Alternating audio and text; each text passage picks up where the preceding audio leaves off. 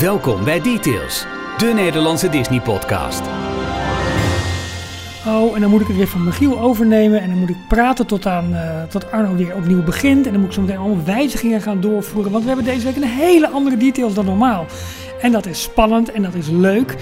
Um, maar dat is vooral heel erg. Um, ja, wat zou ik nou zeggen? Ik word er nieuwsgierig van. We gaan namelijk hebben over Marvel. Marvel voor dummies. En uh, aan het einde van Arno's praatje hoor je gelijk waar de eerste fout zit.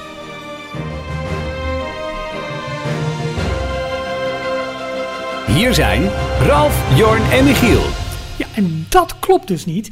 Want uh, deze week hebben we een hele andere details dan normaal. Uh, Michiel is namelijk aan het bijkomen van een stevig weekendje Pinkpop en ander festival geweld. En Jorn, die zal ongetwijfeld weer op een of andere cruiseschip zitten. Of ze zit gewoon lekker op zijn balkonnetje lekker te smeren en te keren. Dat kan natuurlijk. Dus ik heb daarom deze week twee gasten uitgenodigd. Zij zijn vaste luisteraars van details. En ze hebben één ding gemeen, waarover later meer. Maar heren, introduceer jezelf. En ik begin bij Elger. Nou ja, ik ben Elger en ik baal een beetje. Want uh, ik weet niet, zeg maar, Dietz luisteren is wel een dingetje in mijn week. En ik, ga, ik vind het heel stom om, om nog een keer naar dit te luisteren. Dus ik weet niet wat ik deze week moet luisteren. Uh, ik, ik, joh, gewoon de zure appel heen bijten en gewoon doen. Ik, ik luister af en toe ook eens terug en dan ga ik me heel erg aan mezelf ergeren. en uh, ja, dat is dan toch een soort van, van training of zo om de week weer door te komen. Ja. Maar heel kort, wie ik ben, wat ik doe. Uh, ik ben Elger en ik maak onder andere ook podcast.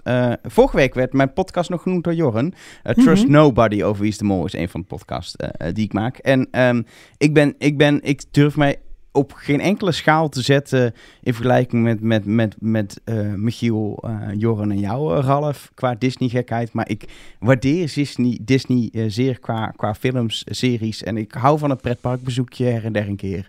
En ik ben, ik ben op dit moment bezig in de biografie van Walt Disney. Want die vond ik wel dat ik die een keer geleden, gelezen moest hebben. Maar ik heb hem heel even weggelegd, omdat ik na heel lang lezen erachter kwam dat ik op 10% van het boek zat. En dacht, Oké, ik ga even ook iets anders lezen nu. Ik, dit is zo herkenbaar. Ik ben denk ik al drie jaar bezig in dit boek. Ik ben al twee keer opnieuw begonnen. Ik zit nu volgens mij op 56 Ik wil hem voor de vakantie af hebben. Dat gaat niet lukken. Uh, zometeen even, Elger. Het is goed dat je er bent. Leuk dat je er bent. Zometeen even waarom ik je heb uitgenodigd. Want we hebben nog een gast en dat is G.E. Ja, nee, ik ben uh, G.J. ook vaste luisteraar van Details. Ik ben het met Elger eens. Het is heel vreemd om deze week dan niet te luisteren. Maar dat komt wel goed. Uh, ik maak ook podcast. Ik presenteer onder andere uh, Dingedong. De Nederlandse podcast over het Songfestival. Luister ook heel veel naar Trust Nobody, Details en alle andere podcasts. En daarnaast ben ik ook DJ en presentator. En ja, heel erg fan van Disney... Ook van de pretparken, maar ook van de filmindustrie. Dus ik kan, je kan me ook vannacht wakker maken. En dan vertel ik je alles over de schrijversstaking die nu bezig is. En wat het voor impact heeft op wat er allemaal gebeurt. Uh, want daarnaast ben ik ook bijvoorbeeld commentator bij de Emmys elk jaar. De grote televisieprijzen. Dus vandaar dat ik ook heel veel weet over wat er qua Marvel speelt. Qua uh, televisieseries dit jaar. Ah, nou goed, uh, en ik ben Ralf en deze week duiken we dus, en GJ zei het al eventjes, in de wonderbaarlijke wereld, of moet ik eigenlijk zeggen het multiverse van Marvel. Um, Michiel en ik doen er tot grote ergernis van Jorn soms een beetje lacherig over en een beetje gekscherend als we het allemaal niet begrijpen. Dat klopt ook wel tot een zekere zin. Maar Michiel en ik hebben ook allebei wel een heel veel films en series van Marvel gezien. Maar het echt begrijpen en echt alle lagen en alle verbanden.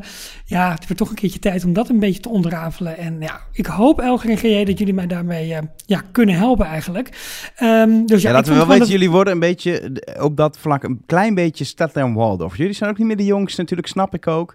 Dus je wordt een beetje die oude zeurende... De verbinding valt bij mij weg, Elger. Ik ga bij jou nog goed maar ik, ik, moet wel zeggen, het is wel herkenbaar voor ook heel veel vrienden om mij heen. Ik heb ook heel veel vrienden met wie ik vast naar de film ga en dat soort dingen. En die zeggen ook heel vaak van, oké, okay, maar waar zitten we nu? Hoe zit het nu? Dus ik denk dat als je een beetje Marvel-fan bent, is het heel herkenbaar wat jullie met z'n tweeën heel vaak roepen. En zijn wij dus inderdaad de Jor die heel vaak zit van, ja, maar wacht, zo moeilijk is het allemaal niet. Je moet alleen even opletten. Mm -hmm. ja. Maar het is ook veel, dus ik snap het wel. Maar het, ja, jullie zijn wel een beetje Wadden van Stettler. Maar is Jorn dan de Kermit? Of tenminste Jorn is sowieso de Kermit en Miss Piggy tegelijk. Ben ik wel een beetje mee En dat kan ik zeggen omdat hij er niet bij is. Dus dat is heel makkelijk en ik hoor het later wel van hem. hey, maar eerst even wat uh, inhoudelijke zaken. Um, welkom bij Details. Details volgen doe je via onze socials op Details.nl en via de website details, die, sorry, die details.nl. En wil je ons steunen, klik dan op de steun ons button op de website. En je kunt ons ook raten op Spotify en natuurlijk je review achterlaten. En je sterretjes en andere dingen in, in iTunes. Um, deze week hebben we twee nieuwe donateurs. Um, welkom bij de club, Theo Manders. En Theo schrijft, Hoi Details mannen. Mijn gezin weet dat ik elke week naar Details luister en geniet van jullie podcast. Ze wisten ook dat ik nog steeds geen donateur was en hebben het heft in eigen handen genomen. Ik heb dit petje af abonnement dus gekregen voor Vaderdag. Nou, hoe leuk is dat? Welkom Theo, superleuk dat je, dat je erbij zit. Ehm, en wat een uitstekend cadeau trouwens. Uh, dit kan, dit uh, abonnement kan trouwens ook voor moederdag, kinderdag, verjaardag, zomerdag. Uh, maakt niet uit wat allemaal gegeven worden. Maken wij allemaal geen onderscheid in. Welkom bij de club Theo. En Ronald heeft zich ook bij ons gevoegd. welkom, dank voor jullie steun allebei. En um, ja, goed dat jullie erbij zitten. Ook op ons Telegram kanaal waar de hele dag door allemaal Disney feitjes en nieuwtjes gedeeld weet je, worden. Weet je hoe gevaarlijk dat Telegram-kanaal af en toe is? Ja, Want dat is jullie hebben zoveel leuke donateurs, maar dan komen er weer, en dat zal Erger misschien ook wel herkennen, komen er in één keer weer linkjes voorbij van, oh, deze merchandise staat er dan, of deze Lego is er, of deze aanbieding is er. En dan zit je toch elke keer gelijk, oh, klik, oh, nee, nee, rust gaan, niet gelijk kopen, niet gelijk doen. Het is ook wel heel gevaarlijk af en toe, die donateurs. Wij hadden dit anders moeten inrichten. We hadden hier een commissie op moeten leggen op alles wat via dit kanaal wordt aangeschaft. van linkjes naar Amazon, naar Bol, naar Lego Store, weet ik wat. Dan hadden we slapend rijk geworden. Nee, maar het is, ja, het is heel gevaarlijk. Helemaal, ik heb het heel erg met boekentips. En de laatste weken ook weer zo ontzettend veel nieuwe boeken toegevoegd aan de collectie. Dat uh, ja, nu heel langzaam moeten denk ik de Food Network magazines van mijn uh, vrouw moeten gaan wijken. Want ik heb een extra plank nodig voor de Disney boeken. Maar goed, dat is helemaal prima. Dat komt helemaal Hey, goed. Wat, wat, wat ik ook leuk vind aan de donateursgroep, ik zei al eerder, ik ben niet zo groot Disney eh, fan of gek als, als, als, als jullie drie in ieder geval half. Maar voor mij is een combinatie van titels luisteren, de Daily Disney Roundup natuurlijk op de site en, eh, en dan in de donateursgroep zitten waar het juist soms heel diep gaat, is, Mhm. dan heb ik alles zo gehad met die drie dingen. Dat, dan hoef ik niet, ik hoef nooit zelf op zoek te gaan. Ook al die Twitter-accounts die er zijn, die ja, maar wel volgt die over verticaal gaan gaan en zo. Als Mhm. het belangrijk is, komen de tweetjes of in de Daily Disney Roundup of in de groep, of allebei, zie ik ze twee keer. Komen ze wel langs, dan zie je weer dat er wateroverstromingen zijn in Parijs en zo. En dan, dat, is- ik vind dat zo heerlijk. Dat wordt allemaal, voor mijn gevoel, zijn er mensen die grotere nerds zijn dan ik, die het allemaal voor me regelen, zodat ik het allemaal meekrijg. Lekker ja, dat, toch? Dat is super tof. En wat ik ook heel leuk vind is als er dan weer bij een, een, een commercieel radiostation weer Disney-prijzen worden weggegeven, dan weet, je- krijg je elke ochtend het codewoord al mee, dat soort dingen. En iedereen, iedereen, maar iedereen zorgt ook voor elkaar in die zin. En dan elkaar gunnen als iemand gewonnen heeft en dat soort dingen. Het is echt een van de leukste, leukste fangroepen om, om lid van te zijn. Dus Word nu- donateur, mensen, word donateur. Nee, dat is Doe zo- het. ja, leuk, maar jongens, nee, dat is niet gescript. en boek je reis bij Florivida. We herhalen Florivida. Ah, joh, dit is heel gênant. Nee, ja, dank daarvoor. Nee, superleuk. Ehm, Je maar weet waar je begonnen bent door twee gasten uit te nodigen om Ja. met je mee te presenteren, hè, Ralf? Potverdorie, potverdorie. Maar daarom gaan we snel. Elger, als het goed is heb jij een knopje, want jij doet ook gelijk eh, de techniek eh, Ja. van deze podcast. Heb jij een knopje met nieuws? Als het goed is wel. Details nieuws. La. Ja. Ja, en dat is het blokje waarin we altijd eventjes ons persoonlijke nieuwsitem van afgelopen weken doornemen. En ik geef het woord eerst aan jou, GJ. Ja, mijn nieuws van de week is toch wel het nieuws dat eh, eh, CFO eh, Christine McCarthy, toch de dame die er vorig jaar voor elkaar kreeg, dat onze grote vriend Bob JPEG de, de, gewipt werd en, en papa Iger weer terugkwam, nu zelf een, een adviesrol gaat invullen, schijnbaar vanwege een medisch een noodgeval in haar familie. Schijnbaar is er iets met haar echtgenoot. Maar toen kwamen er later weer nieuwtjes dat dat al sinds februari speelt. Het helemaal niet zo acuut is. Maar het rommelt zeker weer bovenin de, de hoge regionen van de Walt Disney Company. Ja, het was wel zo toen Bob Iger weer aantrad dat er inderdaad toen al wel eh, gepraat werd van oké, luister, Christine McCarthy heeft dit mede vormgegeven en, eh, en in gang gezet.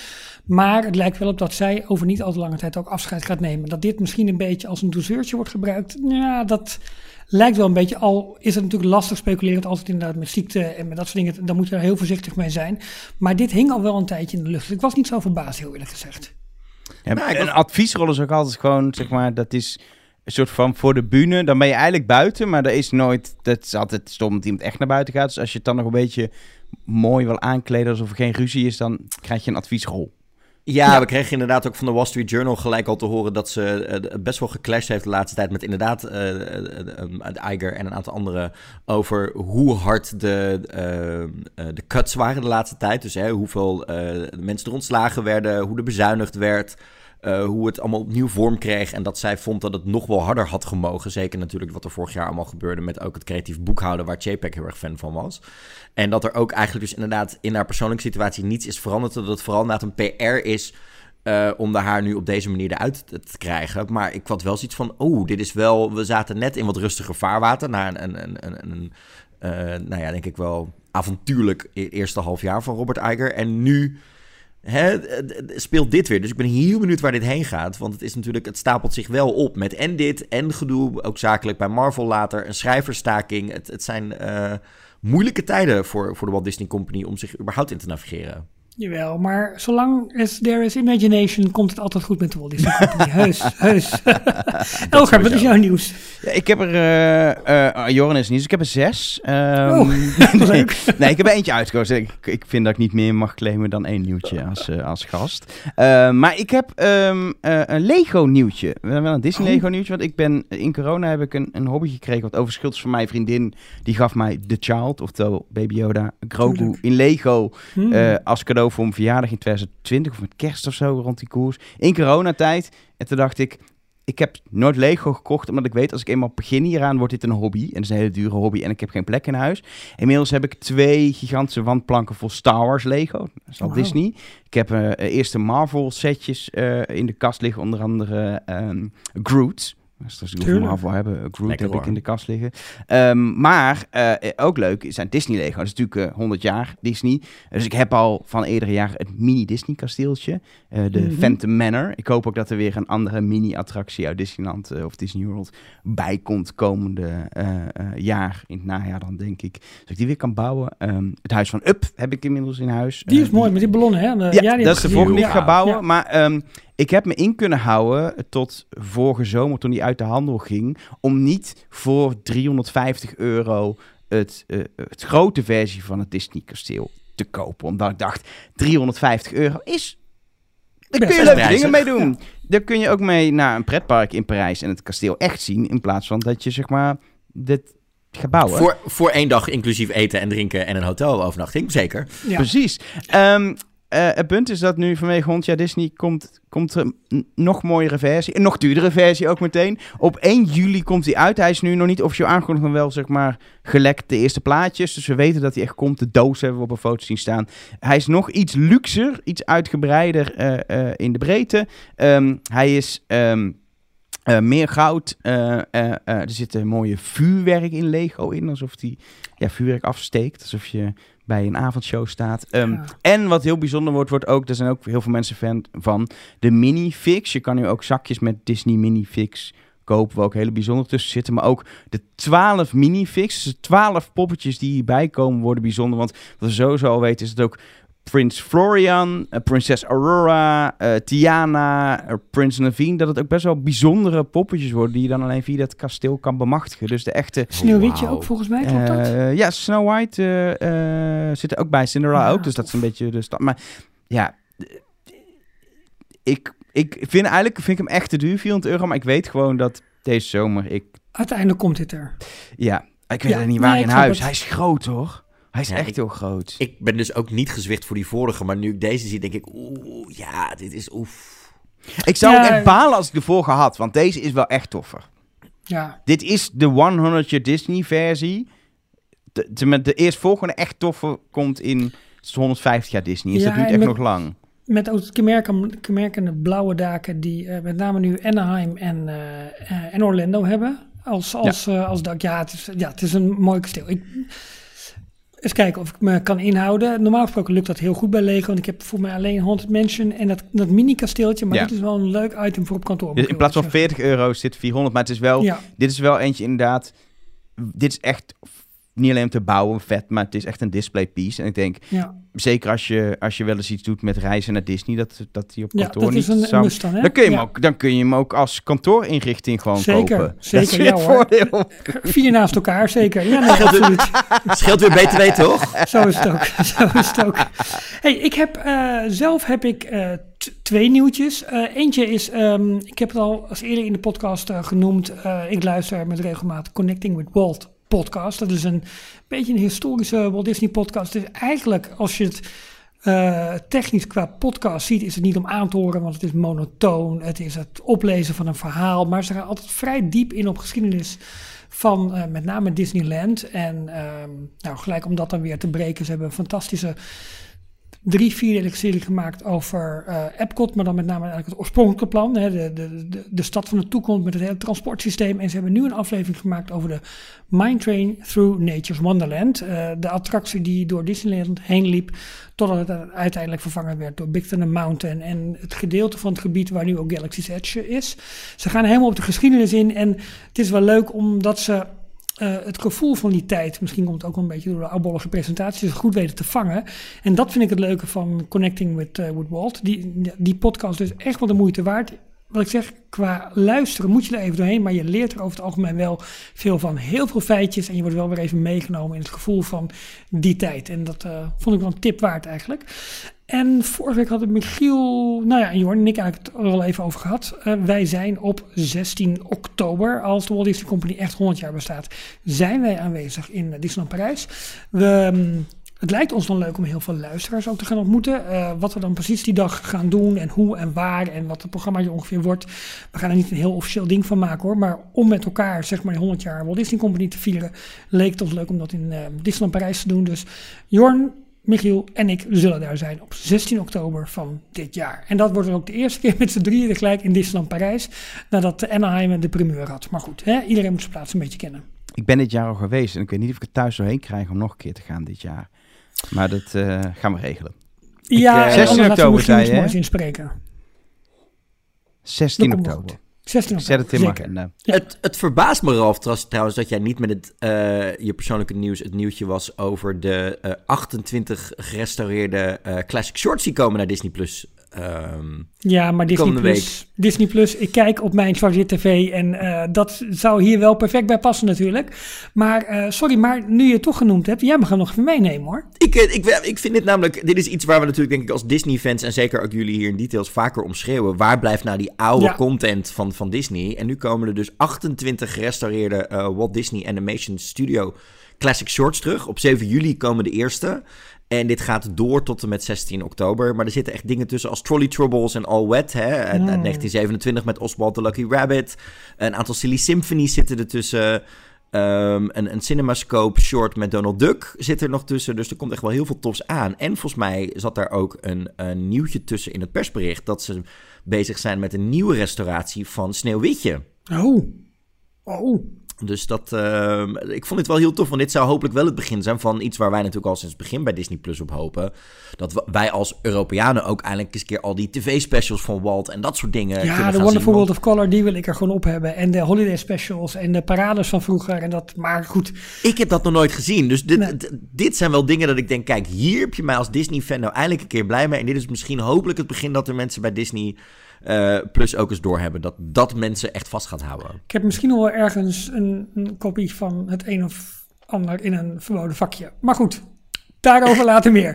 Hey, uh, laten wij beginnen met uh, ja, het onderwerp eigenlijk waar we deze week over gaan hebben. Marvel. En we hebben het maar genoemd Marvel voor Dummies. Uh, Marvel, iedereen kent het nu van de superhelden die, die ja, om ruimte op het bioscoop- en televisiescherm vechten. Maar Marvel werd opgericht als Timely Publications, dat was in 1939. En werd eigenlijk al vrij snel ja, een van de meest invloedrijke bedrijven als het gaat om, om comics. Hè, dus een stripboekuitgever. En in de jaren 60 brachten schrijver Stan Lee en Jack Kirby, de tekenaar, die, nou, die naam kennen jullie misschien nog wel, uh, een revolutie teweeg eigenlijk in de stripboekenwereld met de introductie van personages zoals de Fantastic Four, Spider-Man, Hulk, Iron Man, Thor, X-Men en er was nog um, een hele bekende van die tijd, maar de naam is me even ontschoten. Um, nou, komt later misschien nog terug, maakt niet uit. Maar in ieder geval, deze generatie superhelden werd echt gekenmerkt door, nou ja, waar Jorn het ook al wel vaker over heeft gehad, door aan de ene kant waren ze heel menselijk. Ze hadden te maken met interne conflicten, interne strijd eigenlijk tussen goed en kwaad.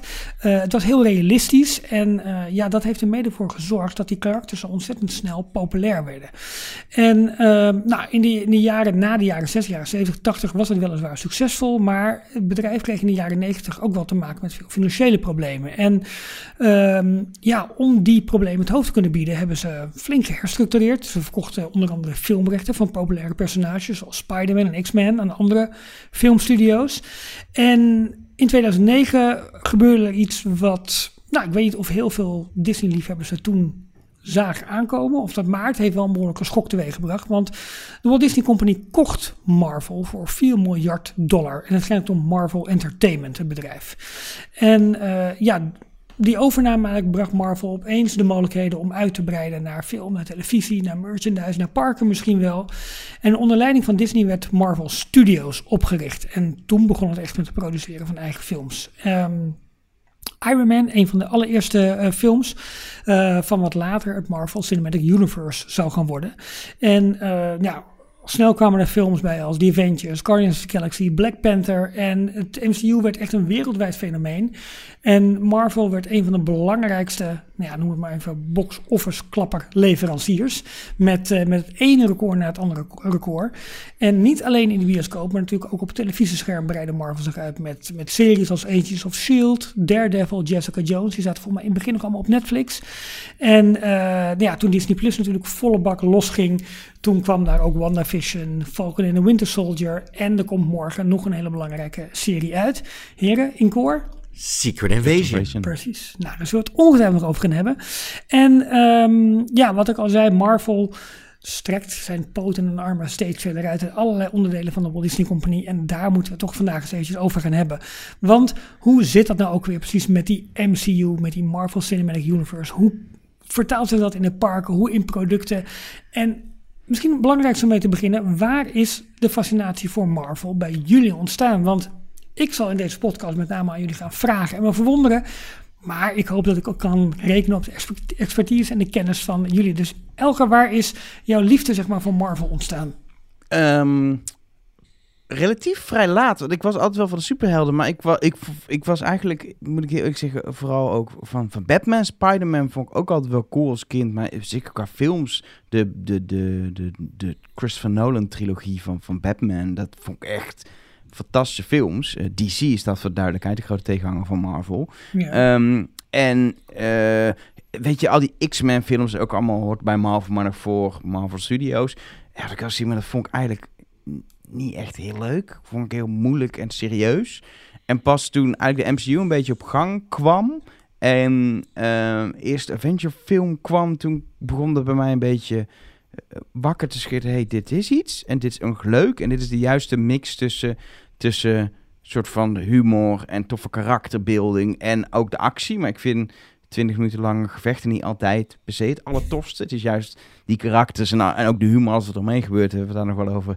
Ook mijn favorieten, uh, daar kom je ook in die hoek uit. Um, toen begon het en toen ben ik eigenlijk eh, als een gek op een gegeven moment ook uh, proberen een beetje half terug te kijken. In ieder geval alles te gaan volgen. En toen Disney Plus, er was een dan had je opeens het moment dat al die films beschikbaar komen, ben ik dat helemaal gaan, gaan uh, uh, terugkijken. En is die liefde veel groter geworden? Ben ik ook wat comics gaan lezen. Uh, omdat ik dacht, ik wil toch wel iets meer achtergrond te verdiepen. En ik ben dus niet soort cliché Marvel-fan vanaf klein jongetje.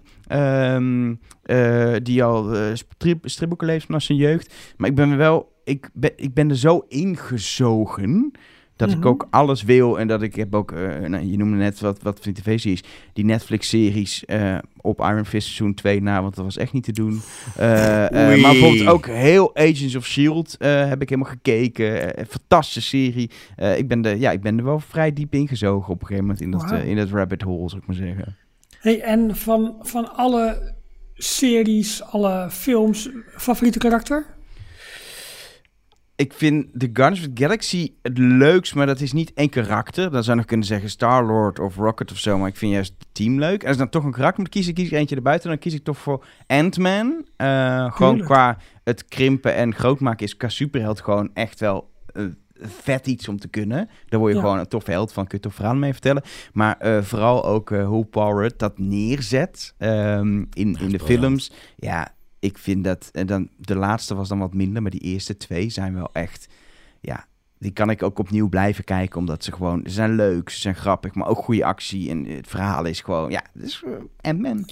Nou, hoe dat zijn plek heeft in die Marvel Cinematic Universe horen we waarschijnlijk zo meteen van jullie. Ja. Uh, GJ, hoe is het bij jou ontstaan? Ja, ik denk dat ik wel als, als, als jonger kind er al uh, mee in aangekomen. Want ik denk dat mijn eerste echte fan zijn kwam door de geanimeerde X-Men show uit 97. Dat is echt wel, denk ik, voor veel uh, uh, kids uit mijn generatie echt wel een van de series waar je op zaterdag of door de week naar keek. Eh, voor het eerst ook dat Marvel het echt aandurfde om langer verhalen te vertellen. Wat me, het begon natuurlijk als kindertelevisieserie.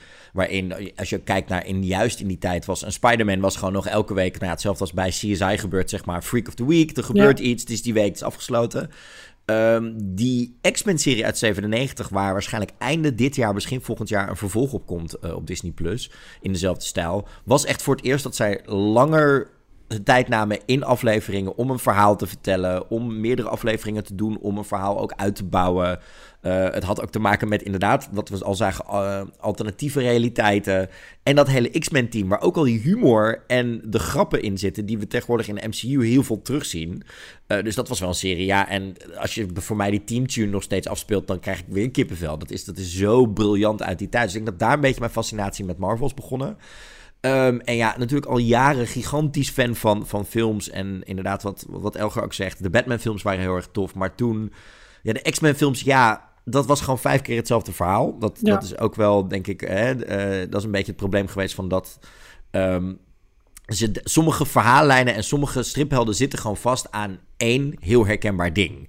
Dat heb je bij de X-Men gehad. Maar toen bleek in één keer dat ja, inderdaad, ze met Iron Man gingen beginnen. Met Robert Downey Jr. Een hele rare keuze op dat moment. En toen was eigenlijk gelijk mijn interesse gewekt. En sindsdien, nou, net zoals als Elger, uh, alles verslinder. Ik heb alles gezien. Ik weet er alles over. Ik heb zelfs thuis uh, het, het, het tien jaar jubileumboek van Marvel staan... waarin ze hun hele uh, geschiedenis vertellen in twee prachtige boeken... met ook heel veel verhalen achter de schermen... over hoeveel er eigenlijk misging in al die jaren. Mm -hmm. En dat is wel heel erg tof, om, uh, zeker als je iets meer fan bent...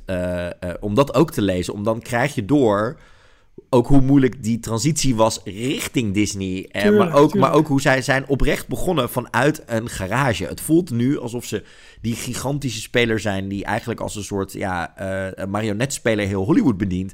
Maar het begon in een hele kleine garage... omdat zij zelf ook zoiets hadden... ja, maar wat, een, wat er gebeurde en dat we alles steeds maar weggeven... en nul controle hebben, was er niet. En dat is ook een heel interessant verhaal, denk ik, binnen ja. uh, Hollywood. En ja, gewoon al die karakters door elkaar. Het feit dat je eigenlijk uh, ziet, wat, wat ik heel tof vind aan Marvel is dat, en daar komen we straks wel op terug, is dat ze eigenlijk iets doen wat we al twintig jaar in televisieland zien.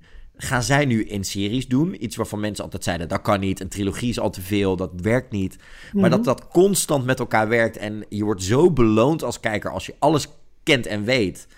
En toch weten ze ergens, denk ik, nog wel ergens de balans te houden. Dat, ze, uh, dat je ook gewoon alleen het films kan kijken.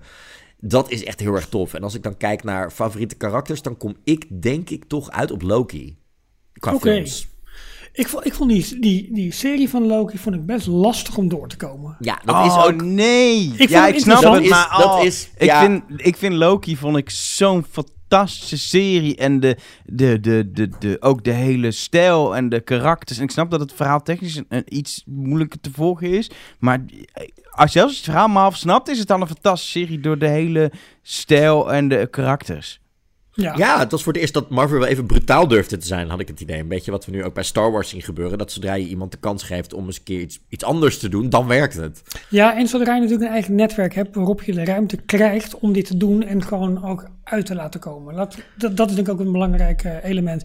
Maar ja, als ik dan met mijn favoriete karakter aankom van Meek, zeggen jullie ook van ja, jammer Ralf, jij doet niet meer mee. Of valt het mee? Ik vind nee, Meek fantastisch. Meek is amazing. Oké, okay. oké, okay, okay, goed. Ja, en dan Guilty Pleasure, ook gewoon Natalie Portman. Maar dat komt omdat ik haar ook in de Dior commercials heel goed vind. Dus ja, wat dat betreft, dat telt dan ook niet echt. uh, goed.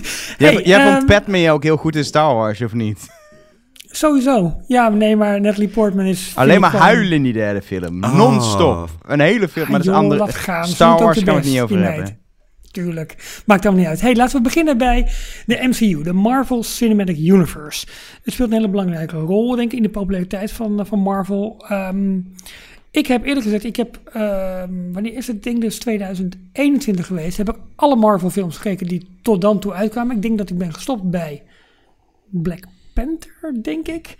Uh, dus ik heb heel veel gezien. Maar ik heb me ook elke keer, elke film weer verwonderd van hoe zat dat ook alweer. Dan ging ik daarna even nog een review of zo ervan lezen. En dacht ik, oh, zo zat het ook weer. Oh ja, want dat was, in die film. Wie moet ik het woord geven om mij de eh, om mij, maar ook de andere detailsluisteraars, eh, een klein beetje wegwijs te maken in de Marvel Cinematic Universe. Want wat ik ervan meekrijg, is dat het gewoon een verdomd slim marketingmechanisme is om al die karakters aan elkaar te koppelen. Aan het eind bij elkaar te stoppen in één grote hero movie met een epic end battle. Dan toch weer een kleine achterdeur te vinden voor nog zo'n film. En vervolgens het hele, hele trucje opnieuw te doen in andere dimensies, in andere universa. Klopt het een beetje wat ik zeg? Of moet ik het allemaal, ben ik veel te in, de, in de basis denk ik dat dat, dat, dat klopt.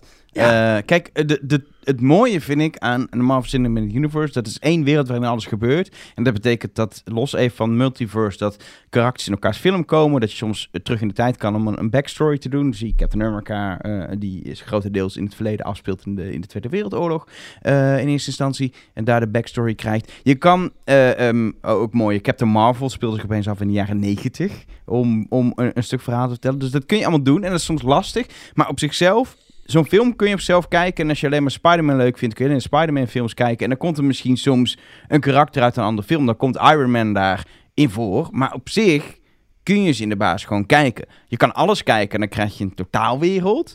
En dan kun je nog in die totaalwereld tot een laag of 26 diep hele leuke elementen vinden. Of al foreshadowings van wat er gaat gebeuren. Of hey, een klein karakter wat geïntroduceerd wordt. Zeker als je in de bioscoop al blijft zitten, krijg je bijna altijd wel eh, eh, eh, in de, in de post-credits scene, vooral in de tweede, nog even een vooruitblik. We weten bijvoorbeeld dat het Harry Styles ook een rol gaat spelen in het Marvel Cinematic Universe uit Eternals. Daar hebben we hem al in gezien. Ehm, maar als je, weet je, dat boeit mij dan. Dat vind ik leuk, die extra feitje. Maar als jij dat, je, je hoeft je nu nog helemaal niet te weten. En je kan straks kan je hem gewoon zien in een film. Dan is het gewoon, wordt je geïntroduceerd als karakter. Eh, en als er een belangrijke link is, of een belangrijke verhaal en of een belangrijk event wat je moet weten, wordt er eigenlijk altijd in twee, drie zinnen naar verwezen dat je genoeg informatie hebt om het op dat moment te snappen. Ehm, Ja. Ik denk dat het probleem dat jij hebt, Ralf, is dat je, je wil stiekem, wil je het helemaal snappen. Klopt. Want jij verdiept je ook in het hele bedrijf Walt Disney en in die parken. Ja. Je wil elk detail weten. Maar je Het is gewoon te veel. het, Ja. het is te veel en je bent ook niet fan genoeg om die moeite te doen. Kijk, ik, als ik een Marvel-serie kijk, kijk ik aflevering en dan straks met Secret Invasion ook aflevering kijken. En dan kijk ik op YouTube bij New Rockstars een video met alle 36 highlights die ik heb gemist. Dat heb En die ik ook echt heb gemist.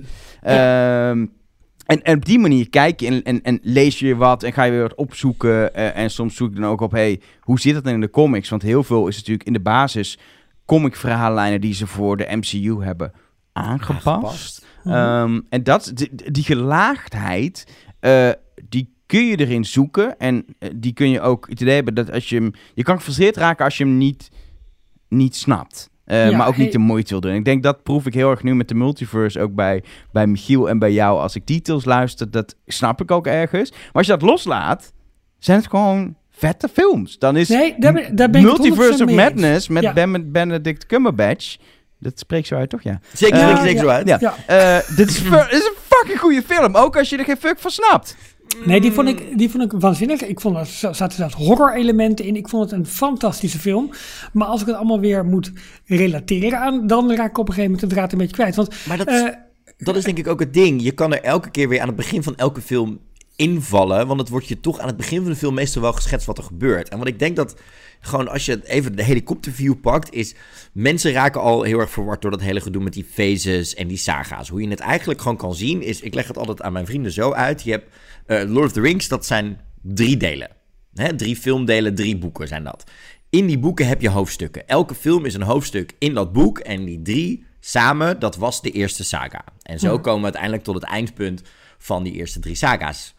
Ehm, en ik denk dat dat wel een hele interessante manier is om er naar te kijken. Want het zijn eigenlijk ook allemaal, wat ik zo int- interessant vind aan de Marvel Universe, is als je kijkt naar Phase 1 alleen al, daar zit een film in met Iron Man over een heel erg nou, onaantrekkelijke, niet aardige miljonair, biljardair, die eh, gered moet worden uit een penare situatie en dan in één, keer, in één keer aardig moet gaan doen en in één keer de wereld moet gaan redden, terwijl het gewoon een van de grootste klootzakken is ter wereld eigenlijk gewoon Elon Musk, laten we het maar zo noemen zoals het is.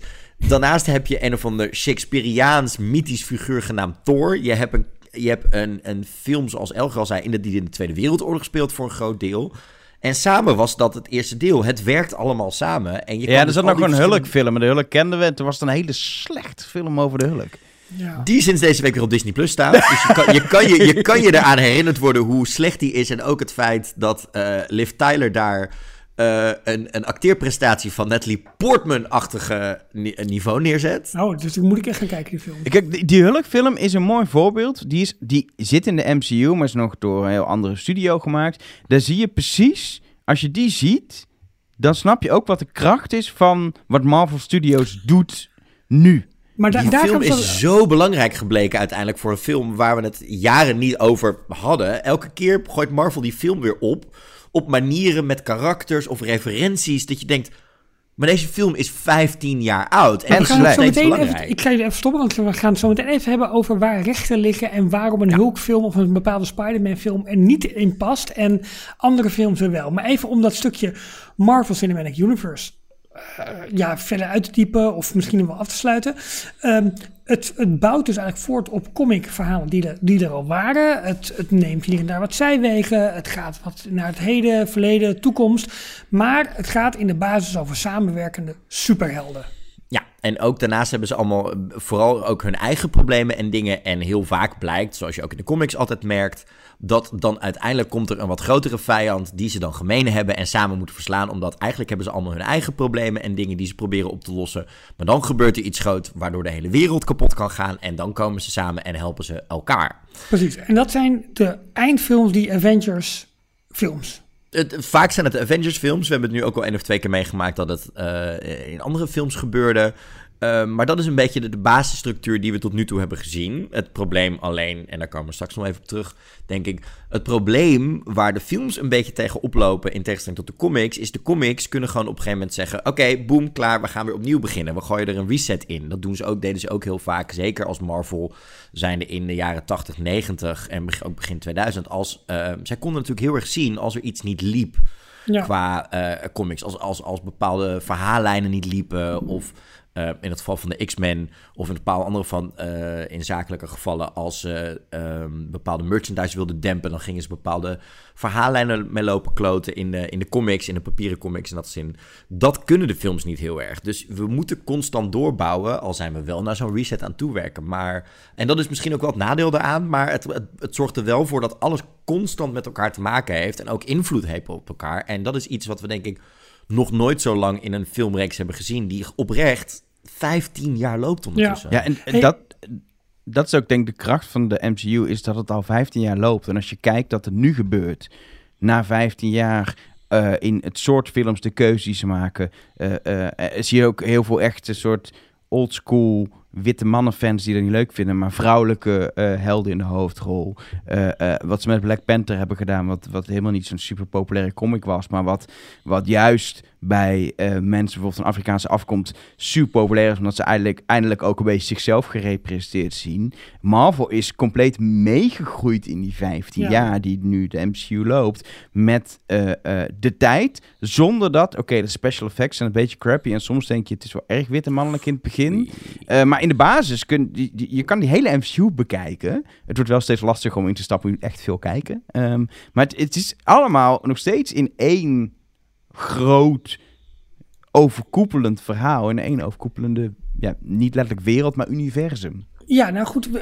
Oké, dat is zeg maar de duiding van het universum, van het Marvel Cinematic Universe. Um, GJ stipte net al even aan, die bestaat uit fases. En welke fases hebben we, hebben gehad? Waar staan we nu? En welke fases komen er nog aan? Wie wil het spits afbijten? Nou ja, fase 1, 2 en 3 is denk ik bij de meesten uh, wel bekend. Dat is de fase die begon met Iron Man en eindigde met die twee gigantische Avengers films. Hè? Avengers Endgame met de grote bad guy Thanos. Dat was natuurlijk een van het eerste hoofdstuk wat dat betreft. Mm-hmm. Uh, fase 1 waren eigenlijk allemaal losse films waarin we nog eigenlijk niet heel erg door hadden dat het ergens heen ging. Behalve dat we aan het einde van de eerste film Samuel L. Jackson voorbij zagen komen. Die het toch had over de Avengers Initiative. Ja. En toen langzaam sinds Iron Man 2 en Captain America bouwden we op naar de Avengers film. Waar we de eerste grote bad guy tegenkwamen. Maar dat was al fase 2. Omdat... Nee, dat is fase 1. Dat is nog steeds fase 1. Ja, okay, fase okay. 1 eindigde met die Avengers film. De, Goed, de, de okay. film waarin Loki, uh, de broer van Thor, die we zagen in uh, de, de film Thor... de bad guy speelde, de invasie van New York, het, in, het, Oh, iconisch, ja. het iconische Swarma moment, dat, dat, dat Ja. shot wat we laatst weer terug zagen komen in Guardians Volume 3, waarin je eh, om een groep superhelden heen cirkelt. eh, dat is allemaal uit die film uit 2012 en dat is eigenlijk fase 1. Ja. Dan ga je door naar fase 2. Dat is de fase waarin eh, ja, er toch ook wel wat wankele momentjes waren, moet ik eerlijk zeggen. In, in, voor het eerst in het, in het verhalen vertellen van, eh, van Marvel. Je ziet dat ze daar de groeistuipen hebben. Iron Man 3 was niet in alles een succes wat ze probeerden. Omdat ze ook een foutje maakten met een van de meest iconische grote eh su- superschurken. De Mandarin proberen te introduceren. Maar dat bleek toen uiteindelijk toch niks te zijn. Ik durf te wedden dat bijna alle Marvel-fans het toch wel over eens zijn dat in fase 2 Thor The Dark World echt wel de slechtste film is. eh, Welke van- film? Dat bedoel ik. Het is echt, dit is een smetje. Kijk, je kan, je kan los Natalie van die Portman. fases... Nee, maar los van die fases... blijf van de, leave Natalie alone. Maar je kan los van de fases kun je ook nog gewoon kijken naar de karakters of daarbinnen een soort franchise. Je hebt de Thor franchise en de Thor films zijn fantastisch. Totdat je de Thor Dark World meeneemt, dan is de hele, die hele, inmiddels vier Thor films zijn vreselijk. Ja. Door de Dark World, wat zo'n intens, samen met duidelijk, gewoon dat zijn de twee slechtste films in mijn ogen. Maar we proberen MCU. mensen enthousiast te krijgen. We Oh, proberen sorry, niet ja. te veel Ja, maar je moet- je moet- in te gaan. Maar oké, oké, oké. Je moet ook eerlijk zijn. Maar dit is, dit is wel de, de fase waarin Marvel voor het eerst gaat experimenteren ook. Ja. Eh, we zien natuurlijk in de eerste... Tuurlijk gaan ze met Iron Man aan de slag. Ze gaan met de Hulk aan de slag. En met, met Captain America. Dat zijn zeker in Amerika denk ik ook toch wel die nog best wel helden... die goed in een herinnering lagen. Ondanks dat het niet Spider-Man of de X-Men waren. Ja. Maar dan krijgen we in fase 2 krijgen we in één keer de Guardians of the Galaxy en Ant-Man. Twee karakters die niet zo groot waren. De Guardians was eigenlijk een comic die ook niet zo heel populair was. Niet zo heel veel mensen kenden als het gaat om, om vooral bekendheid. Maar wel een uiterst succesvolle film opleverde. En ook voor het eerst dat we zien dat er hier eh, een trucje wordt toegepast... wat Marvel ook heel erg goed toepast. Is namelijk kleinere regisseurs die alleen nog maar een beetje cultfilms... of interessantere arthousefilms hebben gemaakt... in één keer een groot studiofilm geven... En dat werkt ook. Dat zagen we Ja. dus met James Gunn gebeuren. Nou, en dan kom je eigenlijk met fase 3, kom je eigenlijk voor het eerst in de samenvattende fase terecht. Dan merkte je ook echt dat, in, eh, dat dingen bij elkaar gingen trekken. Dat er verhalen verteld moesten worden. We krijgen eigenlijk na de tweede Avengers film Age of Ultron... krijgen we nog een derde Avengers film ertussendoor gesandwiched. Namelijk Captain America Civil War, waarin eigenlijk iedereen samenkomt. Oh, ja, op de, is dat ook met scène op het vliegveld? Ja, dat vliegveld Ja, waar we voor het eerst Spider-Man zien. En dan krijgen we... eh Doctor Strange komt erbij. Spider-Man eh, Homecoming. Want Sony heeft eindelijk daar eh, het- licht gezien als het gaat Ja, om ik zo meteen Spider-Man. even nog over. Ja, klopt. Thor wordt opnieuw uitgevonden. Black Panther komt erbij. En dan krijgen we dus inderdaad het eerste van twee delen Avengers films... waarmee we dit hele hoofdstuk, de, deze hele saga, de Infinity Saga... want het ging uiteindelijk om die Infinity Stones, hè? Ja, Daar ging het om. Die moesten bij elkaar gezocht worden of uit elkaar gehaald worden. Want Thanos, de grote bad guy, wilde ze allemaal op die grote gouden handschoenen hebben. En kon daarmee het de helft van het universum. Daar, eh, En, en, en dat zat al in de eerste fase, speelden die Infinity Stones al een rol. Dat is natuurlijk heel klap. Als je de comics kent, dan, dan wist je waar dat een beetje heen zou gaan. Maar in het begin heb je nog geen idee. En op een gegeven moment wordt Vision ook geïntroduceerd, die een van die stenen in zijn hoofd heeft. Ehm, eh, maar dit, hoe dat zich opbouwt en dan pas aan het einde opeens alles op zijn plek valt. En je snapt wat als je niet zo diep nog erin zit en gewoon die films lekker in de bioscoop gaat kijken. Dat opeens je echt aan het toebouwen bent al zo lang naar het einde van fase 3, eh, is wel, dat is machtig. Maar even fase 3 wordt dus afgesloten met twee Avengers films. De, de Endgame films zijn dat. Ja. Is dat dan deel 1 en 2? Of ik weet niet meer hoe ze heten. Ja, ze heette Avengers, eh, Avengers Infinity War. Die kwam uit in Oh ja, tuurlijk. 2018. Ja. Toen kregen we daartussen kregen we nog Ant-Man and the Wasp en Captain Marvel. Ja. Want Captain Marvel moest nog een rol gaan spelen natuurlijk in Avengers, Fan- eh, Avengers Endgame. Dus die moest nog even geïntroduceerd worden. Mhm. Dat is dan weer heel slim aan Marvel. En inderdaad, met Avengers Endgame op, eh, in 2019 sloten we eigenlijk de Infinity Saga voor een groot deel af. Ja. En wat, wat daar echt heel leuk is aan het trucje dat Marvel heeft gedaan, dat was één verhaal. Infinity eh, ehm, eh, War en dan Endgame. Dat is één verhaal en daar zit die snap in. Sorry voor de mensen die nog moeten kijken. Maar daarin wordt de helft van de karakters uitgewist. Ehm, en ze willen niet gewoon in eh, mei de ene in de bioscoop doen, in november, december de andere. En dat je in één keer doorgaat. Je wil dat je wil, wat, hoe gaat dit opgelost worden? De helft van de superhelden is weg. Wil je rekken, maar je kan niet allemaal films tussendoor gaan maken waarin je dat daadwerkelijk gaat, gaat rekken. Ehm, dus wat ze toen hebben gedaan met Ant-Man en the Wasp is eigenlijk een soort zijverhaallijn uh, introduceren. Waarom ook Ant-Man helemaal nog niet aanwezig was in uh, de eerste film. En Captain Marvel, wat ik eerder zei, speelt zich af in de jaren 90. Dus dat is een backstory die niet in de, wel gewoon ertussen zat, maar in de tijdlijn uh, veel eerder is. Want dan kun je ook om dat feit heen dat de helft van de superhelden verdwenen is. Um, en daardoor hebben ze gewoon, als je kijkt naar, naar de hele release, dan hebben we het over april 2018 Infinity War. En pas een jaar later een vol jaar, april 2019, Endgame, krijgen we... Nou, je wist al dat het eigenlijk wel goed zou komen, want je kan niet al je superhelden af, af uh, uh, um, uh, leggen, zeg maar. Nee. Doodmaken. Um, maar toch, dan weet je nou, ook hoe het dan goed kwam. Ja. Maar het was wel het, het, het, het, voor het eerst dat we zo'n eigenlijk... Ja, en dat, dat zei ik eerder al. Een, een soort televisieachtige cliffhanger kregen met de helft van ook de superhelden zijn er weg. Wie komen er terug, wie komen er niet terug? Op dat moment denk ik ook dat je het voor het eerst als kijker wel een beetje meekrijgt dat, kijk, in sommige gevallen zijn sommige van die acteurs waren op dat moment al bijna tien jaar bezig. Dan is het wel ja, zo precies, dat, ja. je, dat, dat sommige tijd vonden om afscheid te gaan nemen. Wie gaan er weg? Wie blijven er? Uh, ik denk dat de, de, de één of twee karakters die ook echt doodgingen... echt gigantische impact hebben gehad op, op, de, op de fans... en op de verhaallijnen die daarna kwamen. En het waren natuurlijk ook uh, gigantisch briljante films. Ik, ik, ik kan je de filmpjes wel, die ik denk allemaal kennen. Het moment van de, wat ze noemen, de, de, de spiral scène aan het einde... waarin alle helden samenkomen in het laatste gevecht... is nou, ik denk dat er nog nooit zoiets in de bioscoop gebeurd is. Nee, Mensen nee, gingen echt uit het dak alsof het... Toen was ik net plassen omdat die film zo lang duurt. Dat vond ik wel jammer. hey, maar dan, dan uh, ik, ik probeer wel eventjes de, de, de hoofdlijn te houden. Dan sluiten we dus zeg maar fase 3 af met Endgame. Nee, officieel uh, Spider-Man nog. Uh, ja, Spider-Man Spider Far, Far From, Home. Home, wat zich in de aftermath afspeelt. Oh. Um, waarin uh, de, ja, de, de, superhelden zijn ook. Uh, Spider-Man is verdwenen. En ook allemaal mensen op zijn school zijn vijf jaar verdwenen geweest. Uh, en daar zien we voor het eerst die aftermath. En dat is een van de dingen. Dat ze nog aan het einde van, van fase 3. Maar daar kom je ook achter hoe lastig Marvel het voor zichzelf heeft gemaakt. Want ze hebben wel een wereld gecreëerd. waarin de halve wereldbevolking vijf jaar is weg geweest. Ja. En het schijnt dat dat.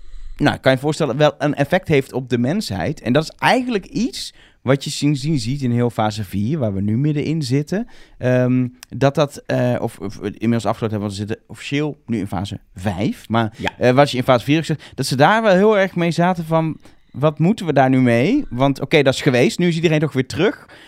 Uh, je ziet het daar soms een beetje, vind ik, schuren. in een comic kun je daar veel makkelijker overheen stappen.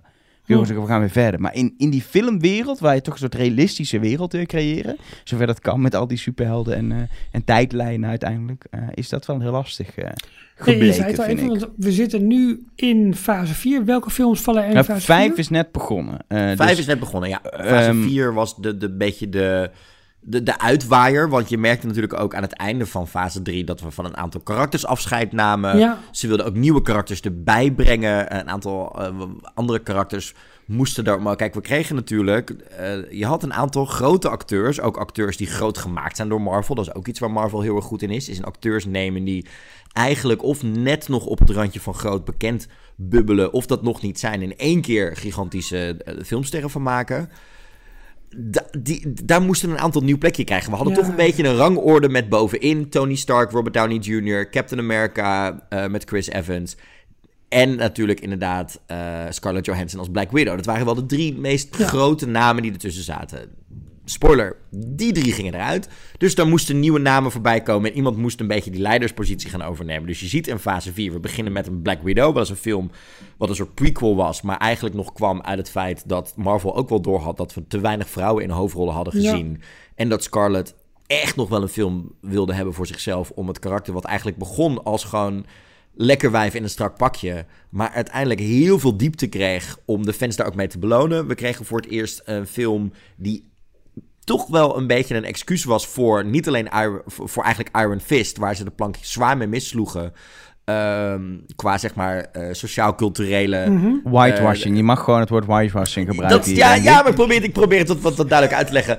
Ze, ze sloegen de plank nog heel erg mis met een karakter, eh, Iron Fist. Daarom kwam Shang-Chi en The Legend of the Ten Rings Ja. erbij. Ze gingen eh, een poging doen om een arthouse film op grote schaal te maken met Eternals. Spider-Man kwam er weer bij. Eh, nou, zoals genoemd, Doctor Strange en The Multiverse of Madness. Wat natuurlijk eh, het, het begin een beetje is van de multiverse chaos die, waar we ons nu in bevinden. wat ook een belangrijke rol gaat spelen. Ja. Daarna kregen we nog Thor Love and Thunder ehm, en Black Panther Wakanda Forever. Daarmee sloten we fase 4 af. En fase 4 ging eigenlijk ook een beetje over de rouw, inderdaad, zoals Elga Ja, zei. Over wat gebeurt er als de wereld verandert, als je leven verandert. Eh, daar gingen die films eigenlijk thematisch met z'n allen heel erg over. En nu gaan we weer meer de lol in, maar ook een beetje het avontuur, nieuwe kanten op. We zijn begonnen met eh, Ant-Man and the Wasp Quantum Mania Mhm. voor mij toch wel een van de meer wankelende films. Ehm, om een reden waar we denk ik zo wel even op terug gaan komen. Namelijk het feit dat, er, dat Marvel af en toe voelt alsof er toch wel ook al dingen op plekken moeten gezet worden voor vier eh, films verder. En dat, dat schuurt voor mij af en toe een beetje. Maar we hebben net een, een prachtige Guardians and the Galaxy Volume 3 gehad. Eh, en daarmee zitten we midden in fase 5. En fase 5 duurt nog tot 2025. Dus dat komt nog goed. Maar fase 6 komt er ook nog aan. Fase 6 komt er zeker nog aan. En daarmee sluiten we dan weer eh, de volledige multiverse saga af. Ja, dus dan zijn, we ook, dan zijn we klaar met al die verschillende tijdlijnen, hoop Ja, ik voor precies. je. Ralf. En, eh, en, en de villain uit deze eh, saga 4, denk ik misschien ook al 5 en 6, wordt dus die Kang. Ja. Oké. Kijk, en er zijn natuurlijk- er zijn natuurlijk meer villains, die heb je altijd. die op, op de achtergrond hoor je mijn eigen Black Panther. Ik heb een zwarte kat en die wil naar buiten, maar het is te laat. Dat doen we niet meer. Eh, Ehm, sorry daarvoor. Nee, maar kijk, je hebt, ehm, je hebt in individuele films natuurlijk gewoon losse, eh, losse villains. Eh, maar inderdaad, de overkoepelende villain die we eigenlijk voor het eerst al heel vroeg hebben gezien in fase 4, maar dan niet in een film, maar in een serie in Loki is Kang. Het punt is, Mhm. we zien daar één van de varianten van Kang en dat maakt Kang meteen lastig. Ehm, er zijn heel veel verschillende versies van Kang in verschillende tijdlijnen. En we hebben in. Ant-Man hebben we een versie gezien, in Loki een versie. Ehm, en we gaan hem nog veel vaker zien en veel heftiger. Sterker nog, ehm, voor de kleine spoiler misschien, maar we hebben al gezien dat er meer zijn. Laat ik het daar even op houden. en heel veel meer. Ehm, hey, maar en dan heb je het nu met name over de films gehad, maar we hebben natuurlijk ook series. Maken die series, eh, eh, WandaVision, Loki, ehm, eh, nou nu zometeen Secret Invasions, maken die onderdeel uit van deze fase of lopen die er min of meer doorheen? Tegenwoordig weer wel. Dit, dit is een van de meest ook interessantere dingen aan, aan, aan Marvel. Als je net als ik wat meer ook een nerd ben over hoe de hele industrie in elkaar werkt. Toen Marvel zo populair werd, gezien de films, toen wilden er ook andere gedeelten van het bedrijf wilden dingen gaan doen. Alleen er speelde gewoon in de hoge regionen van Marvel het bedrijf speelde zich nogal wat eh, eh, strubbelingen af als het gaat om de macht. Wie wat eh, had qua macht, wie wat mocht bepalen. Dus uiteindelijk hebben ze iemand anders de macht gegeven over de tv-studio's. Daardoor kregen we in eerste instantie wel een televisieserie genaamd Agents of S.H.I.E.L.D. die op Ja. ABC, het Disney-tv-kanaal in Amerika, eh, aan de slag ging. In het begin zaten daar een aantal dingetjes in die samenliepen. We kregen bijvoorbeeld een aflevering die speelde een week voor de eerste Avengers-film. De, eh, een van de beste vriendinnen van Thor kwam in één keer langs zetten daar in een aflevering. In het zitten, begin... zitten, ik ga niet spoilen, maar er zitten goede inhakers in eh, met betrekking tot de Captain America film. En ik heb die serie pas later gezien en dan denk je, oh, ze gaan, oh, ze ha- ze haken echt gewoon zo in. En dan, maar dat la- laat ze helaas ook daarna wel weer na twee seizoenen los, Hmm. omdat, omdat ze ook niet meer wilden dat de schrijvers en de makers van Age of S.H.I.E.L.D. alle geheimen zouden weten over wat er in de film zou gebeuren. Werd steeds bedrijfsgevoeliger natuurlijk. Eh, en wat er ook speelt is dat een, op een gegeven moment waren ze in die blipperiode, waar ik het over had, waarin er eigenlijk ook geen films in de tijdlijn uit konden komen. Dus dan gingen ze een film in de jaren 90 laten afspelen. Ging Age of S.H.I.E.L.D. nog door, maar ja, dan, dan kun je ook niks. Eh, inmiddels speelde Age of S.H.I.E.L.D. zich op dat moment af, ook in een compleet andere tijd. Zat ze in de jaren 60 in eerste instantie, geloof ik. Toen zei Nu ze... wel heel diep hoor, jongens, pas op hoor. Ja, Nou ja, waar, wat- het, waar het om wat- gaat, wat- in het begin wel, toen weer niet. Precies. En wat ze ook En het- hebben gedaan, ze hebben heel veel elementen uit de comicsbooks wel gebruikt. Bijvoorbeeld de Darkhold, die we hebben gezien in eh, eh, ehm, de laatste Doctor Strange film.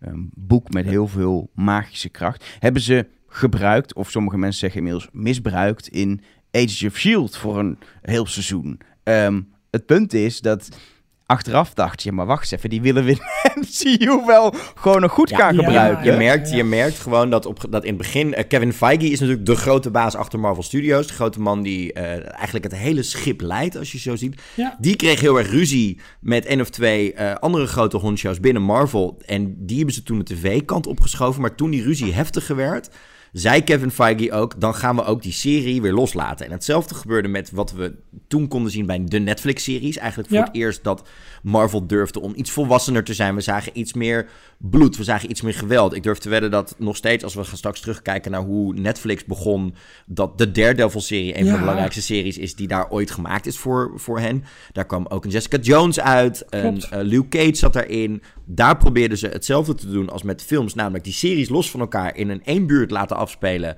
in New York en vervolgens die samen te laten komen in de Defenders met, shockingly enough, Sigourney Weaver erin. Ja, maar die films waren wel lekker rauw. Dat, dat, dat, Ja, dat waren heel... Alleen, leuk, ja. daar had je ook wel een beetje... Wat ze ook hadden is... Daar moesten dan toch wel weer tien afleveringen in een seizoen... in een, voor een verhaal wat je in vier afleveringen kon vertellen. Dus ze gingen wel... Ik vond Jessica Jones eh, fantastisch. Daredevil, heerlijk. Briljant. Soms zelfs iets te bloederig. Ehm, Luke Cage werd al iets minder. En Iron Fist is gewoon... Los van dat ze zeg maar een witte man hebben gebruikt... voor een karakter wat eigenlijk van Aziatische kom af was in de comics... was het ook gewoon slepend slecht qua verhaal. En ze Eh, hebben gewoon een witte man gecast ja. die niet kon acteren. Laten ja, we dat ook was, gewoon hardop het was noemen. gewoon, Dat was gewoon echt slecht.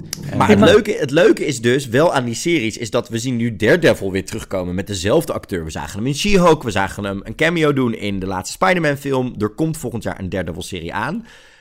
Je merkt dat Kevin Feige als grote baas toch wel fan is wat daar gebeurd is. En nu langzaam die series terug aan het brengen is. Want wat ze in die Netflix-series heel slim deden, was het ging constant over The Attack en The Incident. Dan ging het Ja, over de eerste aanval Ja. op New York in de eerste Avengers-film. Doordat die zich niet met dat super natuurlijke bezighouden en dat soort dingen, kunnen die eigenlijk nog prima bestaan binnen wat het, eh, het universum eigenlijk doet. Maar de rest van de series die we eigenlijk sinds WandaVision hebben gehad op Disney Plus, die zijn allemaal onderdeel van dit grote universum. En zullen ook denk ik een steeds grotere rol gaan spelen. Want we krijgen, en dat wordt heel spannend denk ik voor Marvel. Zo direct krijgen we The Marvels, die komt in november uit. Dat is een film waarin we Captain Marvel gaan zien, Miss Marvel en natuurlijk eh, Monica Rambeau. En dat wordt voor het eerst dat een karakter zo'n grote rol speelt... die we eigenlijk alleen maar kennen uit een televisieserie. Ja, Dus het wordt voor Marvel ja. de eerste test... gaat de kijker dit echt 100% accepteren... als je die serie niet hebt gezien of maar half heeft meegekregen. Hey, maar ja, ze gaan natuurlijk wel doen als jij die serie niet hebt gezien, dat je niet, dat je, dat, je is niet heel veel voorkennis nodig Ja, hebt. precies. Dus ik denk dat daar zijn ze wel goed in bij Marvel, dat het toch weer goed is. En wat ik, wat ik heel interessant vind aan die hele Netflix-zaken, dat ze bijvoorbeeld voor ehm, eh, eh, eh, Vincent Do- D'Onofrio heet die acteur, hebben gekozen destijds als Kingpin. Wat ook nog een heel belangrijke film is van Daredevil, maar ook van Spider-Man. Die acteur is zo goed in die rol, dat ze... Ze wilden volgens mij ook niet een ander iemand casten Nee. om hem weer terug te brengen. Dus hebben ze gewoon, kom het maar weer doen. Ja, Eh, precies. hebben Hij ze was hem gewoon trouwens al- gecast. Maar hij was al fenomenaal in Full Metal Jacket. En dat was volgens mij een van zijn eerste rollen die hij ooit heeft gespeeld. Maar goed. Hey, en dus inmiddels zitten die series weer redelijk in, in, in deze fasering. Zoals, zoals ook de films zijn. Dus lijkt het allemaal weer een beetje, een beetje eh, op lijn te komen. En misschien ook weer wat begrijpelijker te zijn hoe het allemaal bij elkaar eh, valt. Zijn er ook nog series die er uiteindelijk echt uit het hele kanon zijn gevallen? Of echt helemaal losstaan? Of heeft Nee, allemaal wel eh, zo'n ah, plek? die hele Age of S.H.I.E.L.D., al die tv-series, en dan hebben we het ook nog over eh, eh, Runaways. En er zijn echt een paar series die ik ook echt niet wil zien, eh, gemaakt eh, met Marvel-rechten eigenlijk bijna, comic-rechten, die ook heel erg losstaan van de MCU hoor. Eh, die zijn allemaal uit het kanon, zoals het zo mooi heet. Eh, maar dat Ja, is allemaal uit de tv-tijd. Dus in de streaming-tijd, sinds Disney Plus, maken ze echt die series. Dus- Al dus, eh, zie je wel dat ze in het begin gewoon wilden rammen met vier series per jaar. En dat wel mensen zeiden, ja, je verwacht wel gewoon bijna filmkwaliteit. Eh, maar dan, eh, wat ze kunnen doen in series is andere dingetjes doen. Dus WandaVision was heel anders. Maar She-Hulk, wat een, wat een comedy was. Die heel erg tartte met ook überhaupt Deal. het, het bestaan Oh, van de ja. MCU. Dat kun je allemaal doen in, in series. En heel veel mensen zeggen, je moet het eigenlijk meer daarvoor gebruiken. Om, om iets wat niet werkt in filmvorm, om dat in serievorm te doen. Maar je moet niet gewoon series gaan stampen. Want je Hm. merkt dat fans dat gewoon niet helemaal en, en, trekken. En, En het ding is ook, eh, kijk, er speelde hier veel samen. Ik kan hier echt nog uren podcast over maken. Over ook hoe de series samenvielen met hè, het vallen van de VFX-industrie, de, de visual effects-industrie. En dat daar de kwaliteit door omlaag ging. Eh, maar ik denk dat het belangrijkste gewoon is, is dat je nu weet, de series die nu op Disney Plus staan, horen erbij. En het belangrijkste gegeven wat je de komende tijd gewoon, zeker als je het nog niet helemaal in de handen hebt, moet begrijpen, is dat multiverse. En wat is die multiverse nou? Is eigenlijk ons universum, dat is uh, aarde 616, zoals ze dat ook zo mooi noemen in uh, Wauw. dit ding. Oké, ja. Er zijn dus oneindig veel tijdlijnen waarin er elke keer iets anders is. Je zou het kunnen zien, Ralf. Uh, wat als jij vanochtend de deur was uitgegaan en niet op de auto, maar op de fiets was gestapt en misschien wel vanmiddag je beste vriend van de basisschool was tegengekomen en daar zo lang mee had gepraat dat je nu deze podcast had gemist. Dan had je leven er anders uitgezien. Ja. Zo simpel moet je eigenlijk dat, dat zien. En zo zijn die universum ooit ontstaan uh, in de comicswereld om verhaallijnen anders in te kunnen gaan delen. Dus maar moet inderdaad, ik het zo zien dat die universa naast elkaar bestaan Ja. en, en, en uh, hetzelfde pad volgen van uh, jaar nul tot oneindig? Dus feitelijk is het wel allemaal dezelfde tijd en het, het, het loopt parallel aan elkaar. Ja en nee. Want wat je dus hebt is, en dit hebben we een soort van half uitgelegd gekregen in uh, WandaVision en in uh, The Multiverse of Madness, is dat, um, en dat zat toevallig ook, heel grappig, in de laatste Across the Spider-Verse uh, film. Briljant trouwens. Als je die nog niet gezien hebt, daar moet je echt zeker heen gaan. Ja, dat Geen onderdeel van de ja. MCU. Geen onderdeel van de MCU, maar een van de meest belangrijke films, denk ik, van dit jaar. Maar wat het dus is, is uh, Marvel heeft ooit verzonnen, is dat er een aantal punten zijn in een karakters leven die altijd zullen gebeuren. En die zijn belangrijk. Maar er zijn ook afwijkingen daar weer op. Maar het zou dus bijvoorbeeld kunnen zijn: we weten dat Peter Parker zal altijd. Dit denk dat is gewoon een grote feit. Heeft altijd een tante genaamd May en heeft altijd een oom genaamd Ben. Die oom gaat dood. Dat is een van de belangrijke dingen waardoor hij uiteindelijk Spider-Man wordt. En ook de manier waarop hij als Spider-Man zich gedraagt. Dus maar hij heeft niet altijd dezelfde vriendin. Hij heeft niet altijd dezelfde vriendin. Uh, als het Gwen Stacy is, pleurt ze meestal keihard naar beneden ergens in, de, in haar leven. Spoiler!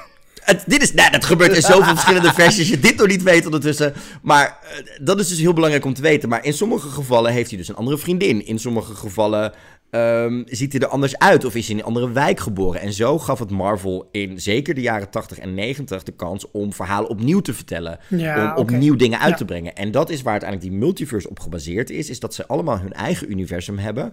Maar er zijn bepaalde karakters. En die heten dan Nexus karakters. Die zijn altijd hetzelfde in elk universum. En die spelen een belangrijke rol. Net zoals we de andere karakters die nu belangrijk worden, zijn de karakters die dus door de, al die tijdlijnen heen kunnen reizen. We zagen America Chavez, die werd geïntroduceerd in uh, Multiverse of Madness. Zij kan door die stervormige dingen van een ja. naar het andere universum ja, ja, reizen, waardoor wij dat mee konden gaan. Nou, Doctor Strange heeft er overduidelijk nu mee te maken. Spider-Man kan er dingen mee. En dat is waar we de komende tijd heel erg in gaan zitten. In het feit dat er dus verschillende versies van Spider-Man zijn. Verschillende versies zijn van een Black Panther. Verschillende universum. En die weten niet van elkaars bestaan af tot nu. Want nu komt het door Kang, maar ook door Loki. En door wat er gebeurd is met Spider-Man. Omdat dat zo'n onnozele domme tiener is. Die met, uh, samen met Doctor Strange begon te kloten met tijd, de tijdlijnen.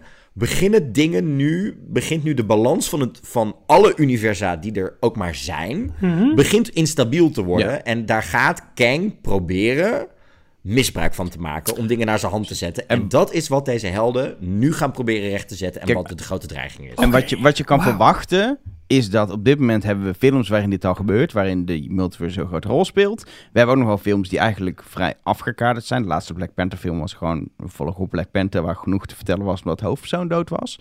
Um, maar we gaan denk ik richting het eind, richting fase 6, steeds meer films krijgen die over die multiverse gaan die in elkaar haken. En in tegenstand te comics, waar deels gewoon die verschillende tijdlijnen, verschillende uh, uh, universa naast elkaar bestaan. En ja, er zijn ook al comics waar natuurlijk doorheen gaat, maar er zijn ook gewoon waar je gewoon, oké, okay, we hebben gewoon alles een keer gereset en we doen het nog een keer. Is in de, in de filmwereld moet alles wel continu weer in elkaar haken. Ja. En dat maakt het soms lastig, maar ook uiteindelijk, als je het eenmaal doorgrondt, klopt het wel en is het wel ja. te volgen. Ehm, ik ben er nog niet, maar ik kom er wel heel langzaam. En dat is misschien ook het punt waarop we... Dat, ik, goede, goede uitleg. Ehm, ehm, maar er schuren voor mij nog wat dingen als ik heel ik ben. Want jullie hebben het net al eventjes een klein beetje, een beetje aangehaald. We hadden het al even over filmrechten. En een Hulk hoort er de ene keer wel bij, en de andere keer niet. Spider-Man hoort er wel bij en niet. Ehm, je hebt dus waarschijnlijk rechten die liggen bij Marvel Studios, maar je hebt ook rechten die bij andere studios liggen. Eh GJ, het is bijna een onmogelijke opgave, maar kun jij dit Heel kort simpel. en bondig uitleggen? Hoe werkt het? Heel simpel. Marvel zat begin jaren 90 in een gewoon hele slechte positie als het gaat om het bedrijf. Dit was nog lang voordat Disney überhaupt in, in play kwam. Dit staat, wordt trouwens ook enigszins verkleurd uitgelegd in die nieuwe documentaire die er is over Stan Lee. Die sinds deze week op Disney Plus staat. Die ik gekeken heb. Die eh, een, een wel een, moet ik zeggen, vertekenend beeld geeft. Alsof Stan Lee dat hele bedrijf in zijn eentje heeft gedaan. Terwijl, Ja. jij zei het al in je intro, Jack Kirby en anderen zijn er ook heel belangrijk geweest. Maar Marvel zat in een slechte positie. Dus wat ging Marvel doen? Marvel ging eigenlijk aan elke filmstudio die maar geld bood op dat moment hun rechten ge- weggeven. Want ze hadden geld nodig om gewoon de comics business en de speelgoedbusiness maar eh, eh, runnende te houden. Het probleem is alleen, op dat moment zijn er gewoon contracten afgesloten die echt voor 20, 30, 40 jaar vastliggen. Met bepaalde rechten voor bepaalde karakters. We zagen het met de X-Men, die zaten bij Fox, wat nu natuurlijk ook weer bij Disney hoort. Maar je zag het in het begin heel erg bij eh, Universal. Die had een aantal rechten gekocht van onder andere de Hulk. En daarbij ook een aantal rechten van een aantal andere karakters.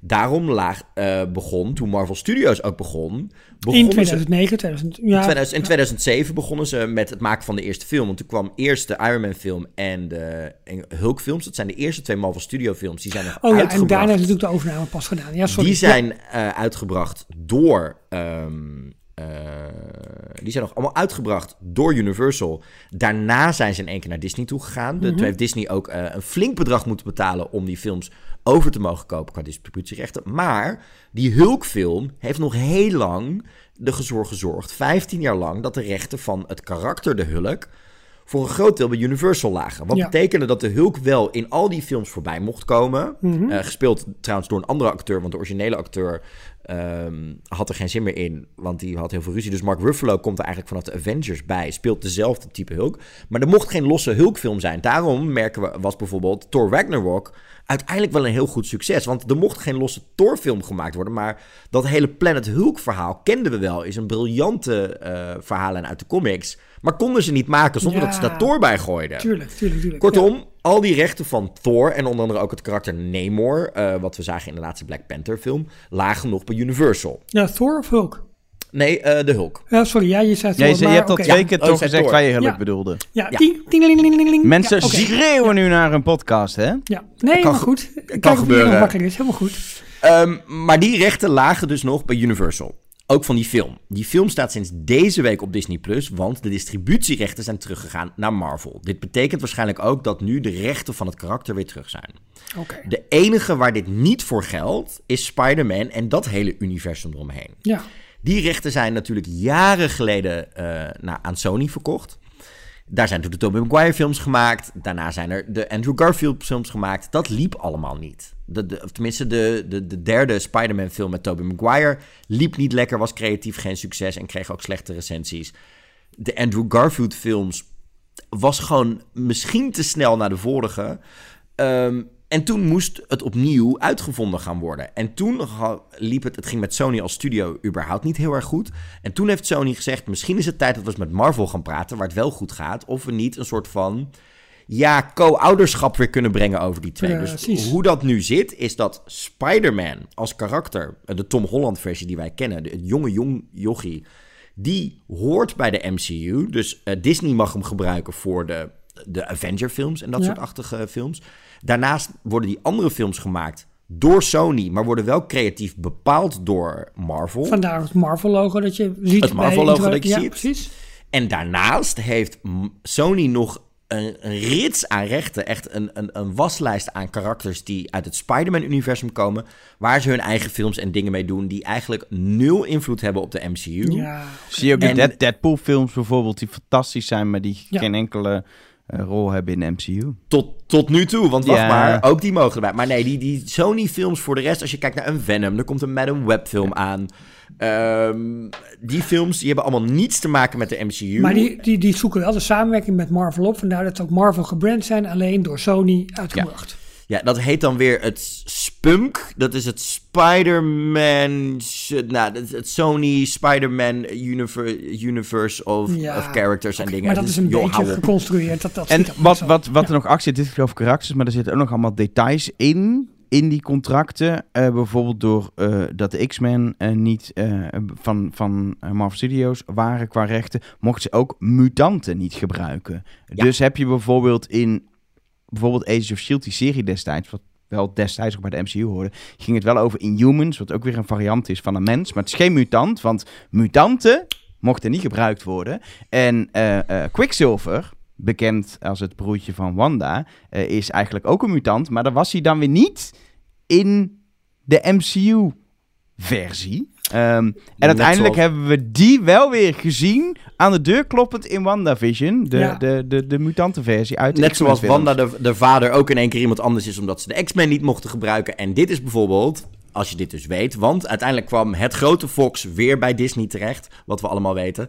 Dus het feit dat we voor het eerst het, woord het woord mutant hoorden in Miss Marvel, de film, met daaronder de tune van de X-Men geanimeerde serie uit 97, was een moment waar ik gillend van de bank afsprong. En ik denk dat als dat 15 jaar in een filmserie dat nog kan gebeuren, dat ik denk, holy smokes, wat gebeurt hier? Dit doen ze zo bewust. Dat is wat eh, het heel erg tof maakt. Maar Maar, het, maar het is wel, hè, als je het. Daarmee wordt het ook wel weer ingewikkeld voor mensen. We proberen mensen nu naar binnen te trekken, maar we proberen ze ook een beetje Ja, maar op dit, te leiden. hoeft, en, maar te ik, maken. ik heb dus ook, ik heb al die X-Men film nooit gezien, want die vond ik vreselijk. Dus ik heb alles, ik heb zelfs, omdat ik wel fan genoeg ben, al die oude Spider-Man films gekeken, maar daar had ik ooit een half van gezien. Ik dacht toen, toen Spider-Man eh, eh, kwam met die hele multiverse ding en die verschillende varianten zag ik aankomen, moet ik toch even kijken. Maar in principe hoef je al die oude zooien, hoef je echt niet te kijken. Ehm, als je het weet, zoals GJ die daar echt nog tien keer dieper in zit dan ik, dan kun je daar ontzettend van genieten en opgaan. Maar als je het niet weet, dan gaat het je gewoon langs je heen. En mis, je mist niet iets of zo. Eh, je Nee, mist misschien nee, een inside joke of een heel leuk fan dingetje. Maar eh, pas als je weet dat het er was, dan weet je ook dat je het gemist hebt, zeg maar. Ja, maar maar jij, als als, je- gewoon, als jij gewoon kijkt, heb je niet door dat je iets hebt gemist. Ik had, het, ik had het muziekje van, eh, van, van uit 97 had ik niet meegekregen en ik had Nee. niet springen op de bank gezet. Maar misschien wel, hey tof, leuk muziekje. Hey, Ja, dat is prima. Ehm, maar goed, je hebt dus de villains, eh, ja, de villains in de film. Maar goed, de villains voor heel Marvel en de fases, hoe ze bewegen, zijn misschien wel de juristen die, die bovenop de rechten zitten en dus een heleboel tegenhouden. Wat er misschien, wat de fans wel, misschien wel heel graag zouden willen dat er gebeurt, maar voorlopig alle rechtenconstructies misschien nog niet helemaal kunnen. Laten we even een heel klein beetje eh, eh, vooruitkijken, want ehm, we nemen het op dinsdagavond. Morgenavond, woensdag 21 juni, de langste dag van het jaar, komt Secret Invasion live. Nou, niet live, maar goed, eh, gaat debuteren op Disney+. Plus. Daar wordt voor mij rijkhalsend naar uitgekeken met toffe trailers. Wat kunnen we daar ongeveer van verwachten en hoe kenmerkt dit zich als een nieuwe stap in de ontwikkeling van eh, de fase waarin we ons nu bevinden? Fase 5 dus neem ik aan, waarin dit speelt allemaal. Ja, dit, dit is wel, dit is in mijn ogen echt wel een interessant ding. Wat je natuurlijk heel erg hebt uiteindelijk, is doordat je ehm, eh, al die verschillende films hebt, karakters, dingen, dat er ook al, worden los van die hoofdverhaallijnen nu bijvoorbeeld met multiverse en met Kang, allerlei lijnen geïntroduceerd in films en series. En soms blijven lijnen een beetje liggen. Laten we, laat, laten we het zo omschrijven. En, ik heb er straks ehm, nog wel eentje waar we het even over moeten hebben. Dat ik denk, hier gaat het al vijf films en twintig series niet over. Waar zijn we mee bezig? Ja, en een van die eh, eh, eh, dingen is de hele invasie van de zogenaamde Skrulls, buitenaardse wezens. Die kunnen shapeshiften, die kunnen veranderen in iemand anders. Die zijn nog op aarde. En ehm, ja, onze grote vriend die ooit de Avengers Initiative is gestart, is in leven en verdwenen van de aarde.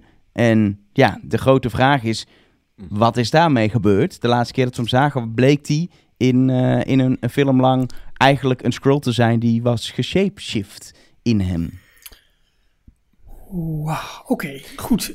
Maar dit moet ik gaan kijken, want uh, voor Marvel-fans is dit... Is dit um... Ja, kijk, het is natuurlijk ooit allemaal begonnen met deze man. Het is begonnen met Samuel L. Jackson. En op dat moment een van de coolste filmsterren ter wereld... die uh, een rol ging spelen en eigenlijk een soort van de spelleider werd tussen al die superhelden... en ze ook ja. allemaal van een weerwoord kon bieden. Maar hij verdween richting Endgame toch echt wel een beetje van het toneel. Dat had te maken met dat hij zelf uh, overduidelijk uh, voor negen films had getekend. En uiteindelijk zoiets had: jongens, ik vind nu wel even goed geweest. Ja, want anders ja. word ik alleen nog hiervoor gezien. Maar ook omdat er andere mensen wat meer naar de voorgrond moesten. Maar inderdaad, dit is een heel interessant verhaal. Want ze gaan ook uitleggen waarom is hij al zo lang weg. Want wat, je, uh, wat ze hiermee ook oplossen, is het probleem wat we al een tijdje hebben. Is dat je, omdat al die helden elkaar kennen, is waarom bellen ze elkaar niet als er wat gebeurt, als er wat misgaat. Daar hebben ze steeds grotere smoesjes voor nodig om dat voor elkaar te krijgen. Waarom belt Spider-Man, Iron Man of Captain America... of in dit geval Black Panther niet als er wat misgaat hè, in zijn eigen omgeving? Want dan, nou, logisch, dan heb je geen film, ben je binnen 10 minuten klaar. Ja.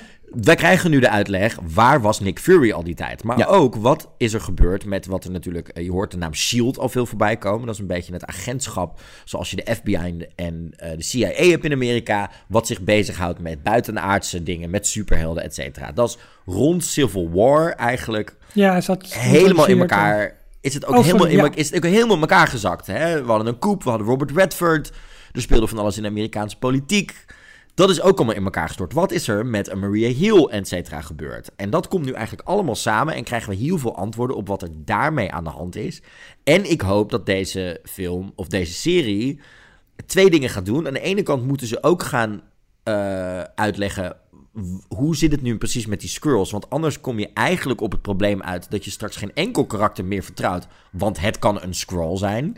Hè? Want het kan natuurlijk een. Het, eh, die scrolls zijn groen, groen uh, buitenaardse wezens. Maar die kunnen dus veranderen in het uiterlijk van uh, een mens. Van welk mens ze ook maar zien op dat moment. En, en dus, dan daarmee zijn het geen mutanten. Nee, nee, oh. het, zijn echt, het, het, zijn, het zijn letterlijk. Uh, mutanten zijn mensen met speciale krachten. Oké. Okay shapeshifters zijn in dit geval...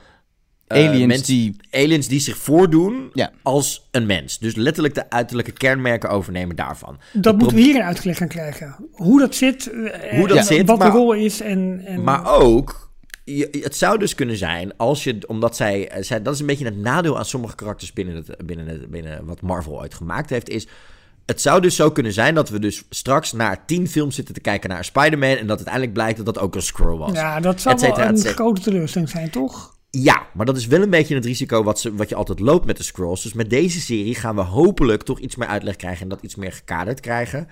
En je ziet voor het eerst dat eigenlijk op dit moment spelen er een soort van drie verschillende grote lijnen binnen de Marvel Cinematic Universe. Je hebt wat er gebeurt in de multiverse, waar we het net tijd over ja. hadden. Daar zijn vooral inderdaad een Doctor Strange en zo mee bezig.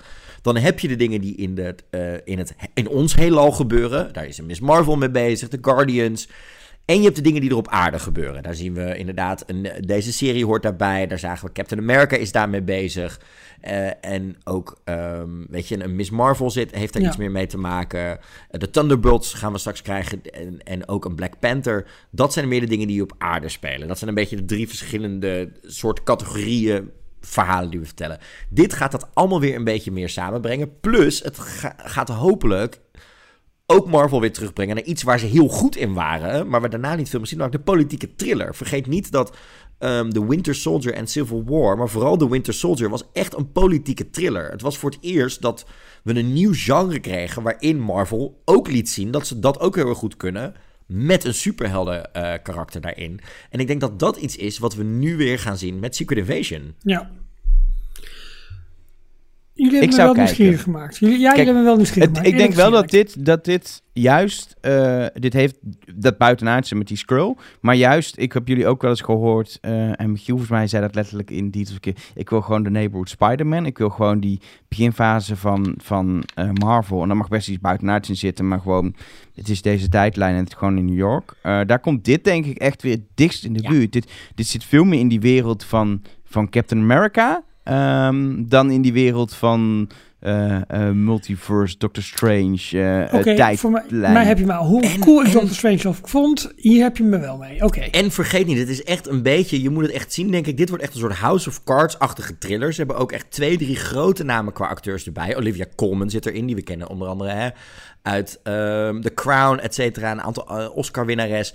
Ehm, God, ik ben even een naam kwijt. Emilia Clarke van Oh, tuurlijk. House of van eh, Daenerys uit Game of Thrones Tuurlijk, zit erin. tuurlijk, tuurlijk, ja. Ehm, nog één of twee hele grote, gewoon echt goede Britse acteurs die ze hiervoor aangetrokken hebben. Dit Ik wordt denk echt ook nog een- wel verrassingen. Dit is echt, wat we eerder natuurlijk hebben Ja. gezien bij die Marvel-series, is dat in aflevering 3, 4 opeens iemand nieuws of iemand die we al kennen uit de MCU nog wordt geïntroduceerd. En dan kunnen ze ook de character posters weer beschikbaar maken. We gaan, ik gok bijvoorbeeld Monica Rambeau. Ik, ze is nog niet Moet aangekondigd, hier maar een klein ze zou hebben. erin moeten zitten, want ze is ook opgeroepen door Nick Fury aan het einde Eens. van eh, WandaVision. Eh, toen zat Nick Fury in space en die riep haar op eh, in de postcredits. Die moet dan ook hierin terugkomen, maar dat is niet Ja, aangekondigd. tuurlijk, tuurlijk. Maar het wordt vooral denk ik ook gewoon een lekkere politieke thriller. spannend, actiescènes. Het, speelt, het, gaat- het is volgens mij echt de bedoeling dat ze ook niets meer doen ehm, met, met buitenaardse, zeg maar, met buitenaardse eh, spaceships en dat soort dingen. Het speelt zich op aarde af en... Hoe kan het nou dat er al zo lang zoveel aliens onder de wereldbeschaving leven en letterlijk eh, de rol van wereldleiders overneemt? En hoe gaan we dat stoppen? En dat is wat Nick Fury in deze serie gaat doen. En dat is denk ik heel interessant. Ik denk wel dat het, eh, we weten dat niet 100% zeker, maar dit is wel ook de, de grote afscheid van Nick Fury. Dit wordt de grote Nick Fury show, eh, waar je denk nog voor heeft getekend. Dat wil ik nog wel doen als ik de stem mag spelen. Maar daarna is het denk ik wel, we weten het nooit, maar ik denk dat het klaar is met Nick Fury. We gaan het... Voor, eh, voor nu, want daar kom ik zo wel even op terug. Dat is voor nu. Oké, oké, oké. Ja, want ehm, waar ik even nog naartoe wil, eh, is. We hadden vorige week al even over dat een aantal films is uitgesteld. Maar GJ, kun jij een heel kort overzicht geven van de films die er nog aan zitten komen? En dan wil ik toch ook even de stap maken naar de themaparken. Want dat is met Marvel natuurlijk ook best wel een bijzonder dingetje. Maar even, wat kunnen we verwachten? Vanaf morgen de Secret Invasion. Secret Invasion, ja, en je merkt dat eh, eh, het fijne is, Marvel heeft een beetje geluisterd naar de kritiek. Er kwamen te veel series aan, iets wat Bob Chapek natuurlijk heel erg aan het pushen was. Eh, te veel series, te veel films. zelfs acteurs begonnen af en toe wat klagen van ja, joh, ik, weet, ik ben alleen maar bezig met Marvel films. Dus ze hebben zeker even de tijd genomen om even een stapje terug te doen. En dus Er zijn ook echt dingen afgeraffeld. Als je dingen- kijkt naar, eh, ehm, ik, ik vergeet de naam van die serie altijd, maar die met eh, ehm, eh, Falcon, Falcon and the Winter Soldier. Falcon and the Winter ja. Soldier De- was... die hebben ze ook deels ge, ge moeten reshooten. Ze hebben de verhalen aangepast. Daardoor was die helemaal niet qua niet te volgen waarom bepaalde mensen dingen nu eigenlijk deden, hebben we nooit begrepen omdat het nooit uitgelegd is. Die was echt, die is door de haast is die echt heel slecht geworden. Terwijl hij is super belangrijk, want hij gaat namelijk over uiteindelijk het is de overgang van Falcon naar Captain America, wat we straks weer in een bioscoopfilm gaan zien. Ja. in in twee Brave films New World zelfs. eh, is hij Captain America. Maar ik merk wel dat ik elk klein lijntje dat ik jullie geef, dat ik dan ongeveer een complete backstory krijg. Ja, ja, nee, nee, nee. Dus, maar, wat, maar wat is het dus? Ze hebben de tijd genomen om even een pas op de plaats te maken. En iets meer te gaan kijken. Wat gaan we nou doen en hoe gaan we dit goed doen? Want uiteindelijk moeten we inderdaad weer bij die twee Avenger-films uitkomen in Tuurlijk. 2026 en 27. Wauw, Dus ja. dit jaar krijgen we nog eh, Loki, seizoen 2. Dat komt er in oktober aan. Een serie die heel belangrijk gaat worden. Ook om het feit dat er flink wat rumoer is. Eh, we hebben het heel veel gehad over Kang. Er is heel veel gedoe rondom die acteur. Hij speelt, die speelt een grote rol in Loki. Ehm, maar het zou best kunnen zijn dat we, en dat is nog niet voor het eerst in MCU, maar als we daar het over gaan hebben, dan zijn we nog een uur bezig, dat een andere acteur die rol overneemt. Ja, maar dat is die Jonathan Mayer, Mayer, Mayer, Mayers, Major, ja. Mayers die nu wordt, eventueel wordt aangeklaagd, of in ieder geval verdacht wordt van geweldsdelict. Hij is vandaag officieel aangeklaagd. Eh, de rechtszaak speelt in augustus. Je merkt ook dat eh, Disney deze week de eh, making-of special van Ant-Man uh, Quantum Mania nog niet op Disney Plus heeft gezet, omdat ze hem zoveel mogelijk buiten publiciteit willen houden. Ja, Dat gaat een dingetje worden. Daarna krijgen we de Marvels. Eh, we krijgen dit jaar nog één grote eh, Marvel-film wat, dat bet- eh, wat dat betreft. Dat is The Marvels. Captain Marvel komt weer terug met Miss Marvel, Kamala Khan erbij en eh, Captain Bo. Schijnt een, een film te worden die zich vooral de ruimte afspeelt, maar ook met heel veel humor, heel veel lol, heel veel grappen. Want heel simpel, we zagen het aan het einde van Miss Marvel gebeuren. Er is iets aan de hand waardoor die drie constant van elkaars plek in het universum overnemen als er wat gebeurt.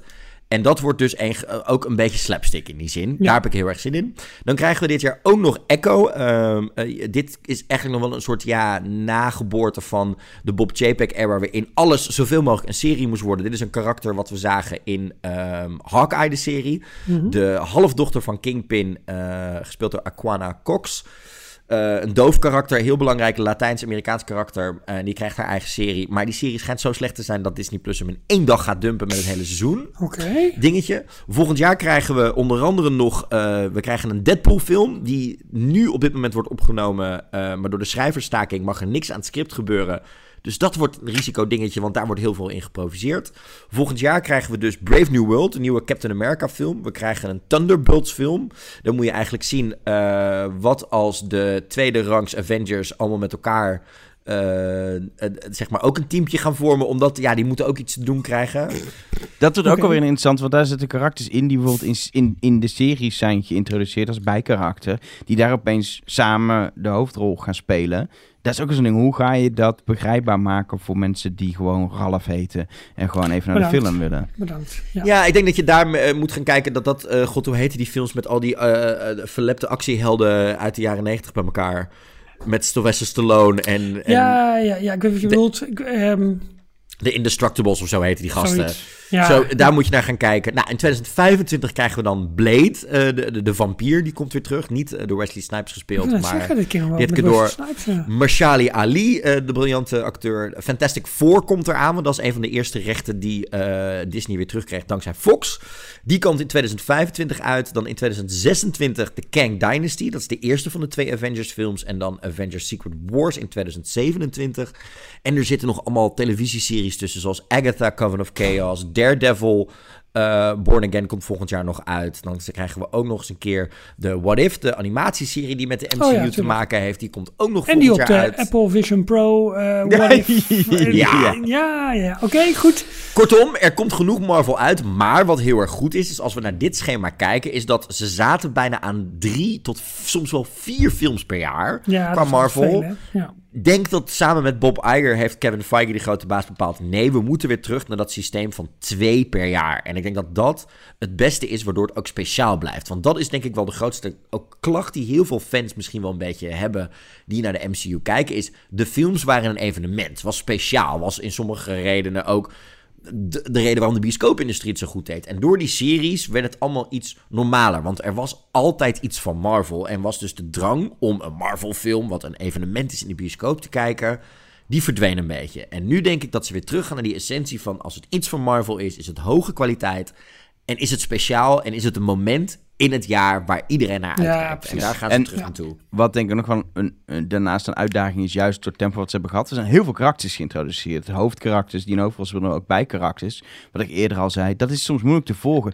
Een film als Eternals, wat sowieso volgens veel mensen niet per se een hele goede film was. Er zaten tien superhelden in en nog allemaal bijkarakters. Er zitten er zijn eh, 15 karakters geïntroduceerd, inclusief een paar in de post-credits scene. Dat je echt denkt, oké, waar moeten we dit nu kwijt in de MCU? Ja, Want die moeten ja. dan wel die weer... waren keer- er ook allemaal al sinds Ja. de oerknal en... Dat is, wel, dat is wel een ding wat, wat het soms lastig maakt. En zeker, stel je bent nu opgroeiend en je bent tiener en je begint... Oh leuk, ik vind Spider-Man wel leuk, ik vind een beetje te kijken. Ja, dan kun je al die films gaan kijken. Dat is nog wel te doen. Maar als je dan ook die series erbij moet kijken... ja, bij, veel meer je moet uren... ook nog huiswerk maken, hè? Precies, is, dat is Ja. wel... En dat is... eh, je hebt die tegenover natuurlijk DC, zonder heel diep op in te gaan. Die proberen ergens soms ook wel dit trucje te doen. Maar dat lukt ze totaal niet.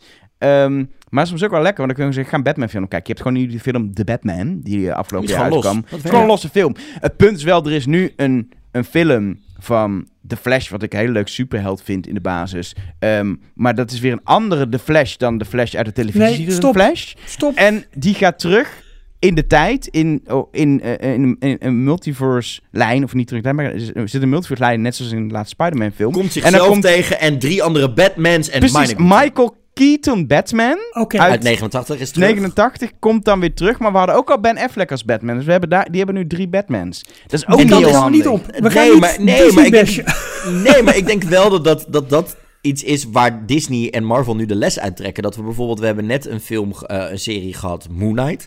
Die staat gewoon op zichzelf. Die heeft nul connectie met de rest Je van hoeft het hem niet te kijken, ook qua kwaliteit. Dus je kan hem gewoon echt overslaan, Ralf. Mm, Niet mee eens. Een- een- een- een- ik was het heel erg fan van wat Oscar Isaac probeerde te doen. Eh, een van mijn Ik snap hem nog steeds niet gewoon. Dat is denk ik mijn probleem. Ik heb wat Ralf heeft met de hele MCU, heb ik met Moon Knight. Het, maar het, het, het fijne is, Marvel heeft het wel door. Je, dat er dingen los moeten zijn die gewoon één op één te kijken zijn van A tot Z. Niets meer mee te doen. En dat is ook heel belangrijk, want inderdaad, we hebben het net over Eternals. Er is er iets geïntroduceerd waar het al zes of zes films niet over gaat. Een gigantisch wezen in het midden van de Atlantische Oceaan of van de eh, Pacific, eh, Pacific Ocean. Jongens, dat is een beetje het probleem wat Marvel Ja, heeft. daar zijn ze nu met een duikbootje naartoe aan het gaan, maar dat gaat ook niet helemaal goed. Dus dat is wel Met, iets met, heel een, met, een, met, een, met, een, ga- met, een game, met een gamecontroller en Celine Dion op repeat hoorde ik. Oh, Oh, jongens. Hey, luister. Nee, luister, dit is toch gewoon Nemo en the Living Seas? Net- Precies. Dit sluiten we af, want we gaan naar een onderwerp toe eh, wat ook belangrijk is in de samenwerking tussen Disney en Marvel. En dat zijn de pretparken. Want waar we in Parijs kunnen genieten van Avengers Campus, dat kunnen we ook aan de westkust in Amerika, maar dat kunnen we niet aan de oostkust in Amerika. En dat is wel bijzonder, want eh, we hebben het in detail zo vaak gehad over eh, de, de, nou, de zin East of the Mississippi, heb je waarschijnlijk al vaker gehoord. Er is een contract. En eh, vlak voordat, eh, nou vlak voordat, maar even voordat, eh, Disney Marvel overnam, heeft Marvel een contract gesloten met, ehm, nou noem het maar eventjes, de moedermaatschappij destijds nog van, van, van Universal, waar de Universal parken onder, onder vielen. Om Marvel ook in, nou ja, in dit geval ehm, eh, in, in, in, in de Universal parken te plaatsen. En dat heeft heel erg zijn plek gekregen in Orlando, in Islands of Adventure, waar je een superhero island hebt met een beetje de wat oudere jaren 90 Marvel karakters nog. Nou, eh, zolang Universal de rechten blijft betalen voor deze characters aan Disney, in dit geval nu de eigenaar van deze characters, mag Disney ten oosten van de Mississippi niets doen met Marvel in de themaparken. Nu zijn daar wat uit- uitzonderingen op, want bijvoorbeeld de Guardians of the Galaxy, daar mogen ze wel wat mee, omdat die bijvoorbeeld niet door Universal wordt gebruikt in de parken en ook niet helemaal onderdeel uitmaken van die, maakten toen van die Marvel Cinematic Universe. Dus ze hebben wat vrijheid, bovendien hebben ze vrijheid om in Disney Springs een, heel, eh, een hele winkel te maken rondom Marvel. Alleen daar mogen ze niet het Marvel labeltje opplakken. Dus dat is een superheroes headquarter. Ze mogen ehm, eh, ja, wel wat doen met, met eten en drinken in Disney Springs. Dat soort dingetjes meer. Dus ze, hebben, ze proberen er wel een beetje omheen te werken. Maar echt Spider-Man in een park in Orlando zal je niet zo snel zien. En dat is natuurlijk best wel een gemist voor themaparkfans. Hoe kijken jullie daar tegenaan? Ja, dit is natuurlijk gewoon wat ik je net al vertelde. wa- Wat er in de jaren negentig gebeurd is. Dit was Marvel, eh, het, het grote bedrijf eromheen, Marvel Comics. Wat gewoon alle rechten voor, al was het bestek, al was het themaparkrechten, tot aan eh, animatie- en filmrechten, maar aan het verkopen was om geld binnen te harken. Daar zijn deals gesloten met inderdaad Universal voor eh, de stripversies van de karakters. Want dat is dus ook het mooie. Universal mag niet de filmversies Nee. gebruiken van de karakters. Want die zijn nu van Disney. Want die zijn nu van Disney. Ehm, maar je ziet gewoon dat, ja, Universal heeft daar gewoon een deal uit kunnen sluiten. Net zoals Sony nog steeds die deal heeft voor die Spider-Man-karakters voor in de films. Waar je gewoon niet van afkomt. Nee. Marvel, dat is gewoon het oude leiderschap van Marvel geweest. Die er zo dom naar heeft gekeken van... Ja, gaan we toen niks mee doen. Als je dat maar krijgt, dan hebben wij weer geld binnen om eh, nieuwe stripboekjes uit te brengen. Om het maar even oneerbiedig te Wat, zeggen. er, wat ook logisch was normaal van die tijd, want die hadden geen pretparken. Dus dan kun je aan een pretparkbedrijf heel goed je rechten verkopen. Tuurlijk. Ja. Totdat je op het punt komt, wat Marvel natuurlijk ook niet had bedacht. We gaan onszelf aan Disney verkopen. Dat, Ja, Omdat en op- op je dat legt moment- een, ja, en je legt een initiatief bij, in dit geval Universal neer. Zolang zij blijven betalen, mogen zij het blijven gebruiken. En dat is natuurlijk wel heel gevaarlijk. De contractvoorwaarden waren En dit- niet en- zo goed. En Nee. dit is natuurlijk ook de reden. En dit is natuurlijk wel heel erg grappig. Want dit heeft uiteindelijk ook zijn invloed gehad op de eh, films. Omdat Marvel donders goed doorkreeg dat die karakters nog allemaal bij Universal lagen. En daarom kregen we onder andere. De, kregen we dus ehm, bijvoorbeeld een Guardians of the Galaxy film en een Ant-Man film. Want ze wisten, die rechten liggen aan niet bij filmstudio's, maar ook niet bij Universal qua pretparken. Precies. En dus daar mogen kunnen we mee door. Ja, en daar mogen we wel wat mee doen in de pretparken. Je ziet ook dat het super populaire attracties zijn. eh, dat de Avengers campuses in Parijs en in Anaheim en die ook in Hongkong wat ze zeg maar aan het bouwen zijn. Hè, dat hele, dat hele superhero headquarters eh, netwerk wat ze, wat ze hebben gebouwd. Ja. Dat heel goed in de smaak valt, dat het heel populair is. Maar het is natuurlijk wel een schande dat in de pretpark capital of the world, dat in Orlando, dat ja, echt maar, zeg maar de grote mar- populaire Marvel karakters, zoals Spider-Man, zoals Thor, zoals die op dit moment niet in de pretparken zijn. Ja. Vind ik Nou ja, persoonlijk ze zijn, wel kijk, er is, er is één attractie die legendarisch is bij Universal qua, qua Marvel-karakters. Dat is de Spider-Man-attractie. Die is uiteindelijk ja. door, door Universal veelvuldig gekloond in andere versies, eh, wat dat betreft. Maar voor de rest zijn het eigenlijk gewoon, laten we het eerlijk noemen, Walibi-achtige standaard achtbanen die dan groen gespoten worden. En dan is het Ja. de Hulk. Ja, dan is het in één keer- hè? Ho, ho, ho, ho. Maar goed. Ja, maar het is, je snapt wat ik bedoel. Het is, het is een niet gethematiseerde achtbaan. Wat gewoon een hele goede rollercoaster is. Waar dan het Hulk-logo voor staat. En dan wordt die gif groen gespoten. En dan is het de Hulk-coaster. Dat is letterlijk wat Universal ook in die tijd deed met zijn, zijn pretparken. En ik denk dat dat ook is omdat de pretparken nu zo geëvolueerd zijn qua ervaringen, qua uit bingo, busboard bingo, immersive experiences, dat die gewoon ook niet meer zijn wat ze moeten zijn. Alleen Universal heeft ondertussen zelf heel veel andere pretparkrechten erbij gekregen. Dus die willen ook er niet heel veel meer in investeren. maar ze Nee, willen gewoon alleen die rechten vasthouden, zodat Disney er niet mee aan de, aan de, aan de slag Precies, kan. want Precies, op het dat moment is dat, het. Disney de vrijheid krijgt om Marvel volle bak te introduceren in Orlando, nou, misschien wordt een van de minor nieuwe parken die ze eventueel zouden kunnen dan wel mogen bouwen, zou wel eens heel goed natuurlijk een Marvel park kunnen Dus je kan een compleet pretpark met losse themagebieden bouwen met alleen maar Marvel merchandise. Weet je, Eens. Avengers Campus in, in Parijs met twee attracties is natuurlijk, en twee restaurants is nog niks. En Nee. het punt daarbij wel, wat ik interessant vind, wat daarmee gaat gebeuren, is ehm, de hele Marvel Cinematic Universe zo in ontwikkeling. Natuurlijk, je blijft altijd good old Spider-Man houden. Maar vinden wij het nog leuk om over 15 jaar in Avengers Flight Force met eh, Iron Man en Captain Marvel te stappen? Of zijn er dan andere helden die we van dan veel leuker zien? Gaan ze... Kijk, wat ze nu heel veel doen is... hey, we hebben een nieuw karakter, die zetten we er dan neer voor een showtje. Daar kunnen we over mee roleren. Maar Ja. gaan ze ook... En dat kan denk ik deels wel omdat het deels attracties zijn die heel veel met schermtechnologie doen. Kun je als er... Stel er zou ooit een andere Spider-Man acteur komen... ga je dan webslingers gewoon even aanpassen met een nieuwe Dat acteur bijvoorbeeld? zou mij niets verbazen. En ik denk dat dat ook het slimme is van wat Marvel op dit moment doet. Zonder te veel spoilers te doen. Er zal ook in het filmuniversum een moment komen dat daar die reset-knop weer ingaat. Dat we een nieuwe Iron Man en we hebben nu al een nieuwe Captain America hebben. Dat we dat gaan krijgen. Dus ik denk dat we dat heel vaak gaan zien. Maar ik denk dat het een heel interessant ding is ook waar Universal heen gaat. Omdat Universal schurkt zeker qua pretparken altijd heel dicht aan tegen, tegen een Warner. Dat hebben we gezien met Ja. onder andere de Harry Potter rechten, waarin ze nu toch weer een Harry Potter land gaan bouwen in Epic Universe. Ehm, en ook met andere eh, eh, IP-rechten van Warner aan, aan de slag gaan. Dus er zal ook een moment komen dat Universal zelf denkt: hé, hey, maar wacht even, alles leuk en aardig. Hebben wij niet veel meer aan die DC-rechten? En dan zullen ze afstand moeten gaan doen van Marvel. Want die twee samen in een pretpark Nee, dat gaat niet is gewoon niet logisch bij elkaar. Uh, Ook voor de fan niet. Of voor je IP's niet. Dus ik denk dat Universal daar zelf op een gegeven moment een keuze in zal gaan moeten gaan maken. Wat is ons meer waard? Alles gaan uitbouwen met een briljant DC-universum in, in de pretparken?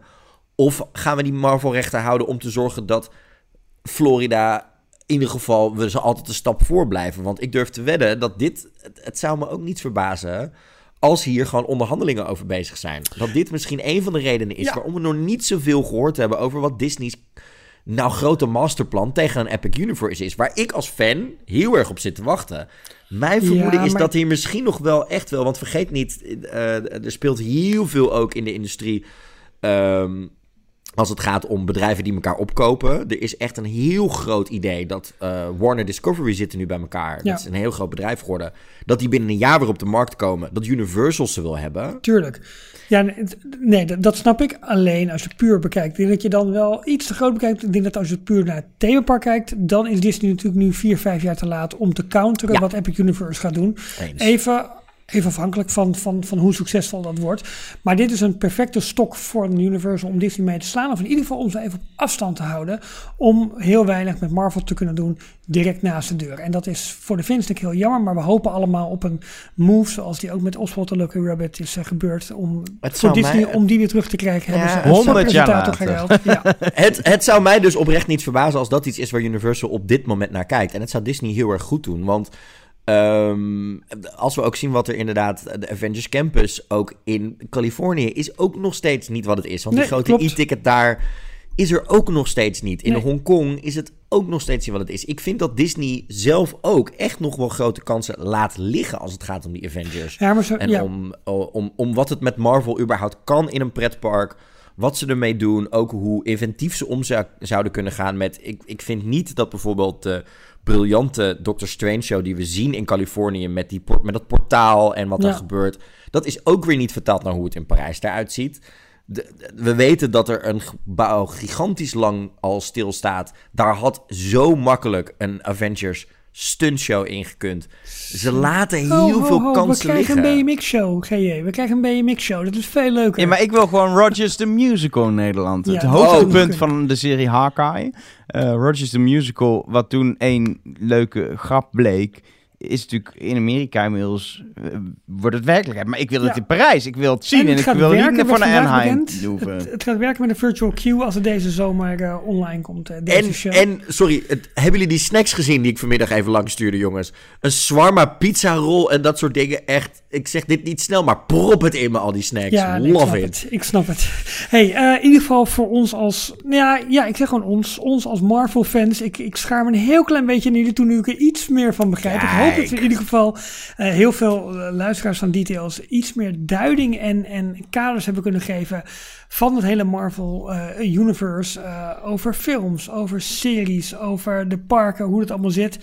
Ehm, in de show notes neem ik eventjes op waar jullie nog meer te beluisteren en te bereiken zijn. Met name ook met jullie telefoonnummers erbij. Dat als mensen meer uitleg willen, dat ze jullie Nou rechtstreeks ja, kunnen kijk, bellen. kijk, Elger heeft een hotline. Ja. Die heb ik, die heb Nee, ik dat ook. Dus, die kan, dus dat kan gewoon. Alleen, eh, Elger is uiteindelijk even niet meer de podcast. Ik ga met zomerstop. Dus dat is best wel. Dus de kans bestaat dat we dat pas weer beantwoorden als een Gilles de Koster of een Songfestival weer op het, op het scherm Dat, verdwijnt, dat komt verschijnt, helemaal goed. Ik hoop wel dat mensen allemaal een onbeperkt belabonnement hebben. Want als je bij jullie een kwartje erin gooit, komt er voor 23 euro uit. Maar goed, het maakt allemaal Nou, niet uit. ho, dit, dit hebben we van jou geleerd op het moment dat jij begint over dat er ook maar één bout of moertje in een, Ja. in een, in een verticaal eh, eh, Dat is waar. Ja, dat is waar. Dat is waar. Nee, maar ik En- heb in ieder geval heel veel van jullie geleerd. Dus ik wil je daar en- heel, erg- heel erg voor bedanken. Ja, ik dacht dat we minstens zo lang als een Marvel-film moeten. En daar zitten we nog lang niet aan. Dus eh, Nee, maar dan gaan we Nou, dan moet jij eens wachten wat er in die aftercredits gebeurt als Michiel in één keer opkomt dagen. We hebben zometeen heel veel white noise. En dan op het laatst doen we nog iets van een ademhaling of iets anders waarin het, eh, waarin het duidelijk wordt. Hey jongens, onwijs bedankt dat jullie mij in ieder geval een beetje wegwijs hebben gemaakt in de hele Marvel-wereld. En ik hoop heel veel luisteraars ook. Ehm, ja, dank voor jullie tijd. En dank dat jullie zo gereageerd hebben vorige week op mijn oproep van... eh, hey, misschien moeten we eventjes wat anders gaan doen van deze week. Dit was Details aflevering 232. Had ik volgens mij nog niet vermeld. Dank voor het luisteren. Dank Elger. Dank GJ. En tot de volgende keer. Nou, tot de volgende. Maar ben Tot je dan zover deze aflevering van Details. En nu snel naar d-tails.nl voor meer afleveringen, het laatste Disney nieuws, tips en tricks en hoe jij Details kunt steunen als donateur. Vergeet je niet te abonneren en tot de volgende keer. Als jij dat wil, GJ, dan ben ik Nick Fury voor jou. Geen enkel probleem. Elger, jij ook bedankt hè. dit is het moment van Aftercredits dat we dus de Marvel spin-off van Details gaan aankondigen. Die we Nee, met dat z'n doen we drieën gaan nee, doen, nee, nee, nee, nee, nee. Er zijn Niet? andere podcasts Nee. veel en veel beter in. Ja, dat is wel Ja, die waar. gaan we doen, maar dan met Jorn. En dan kom jij gewoon één keer in de vijf jaar een keer voorbij met een ooglapje. Ik zal jullie zijn nummer geven. hey, Elger, als jij nu op die rode knop drukt, dan zijn we klaar. Tot volgende keer.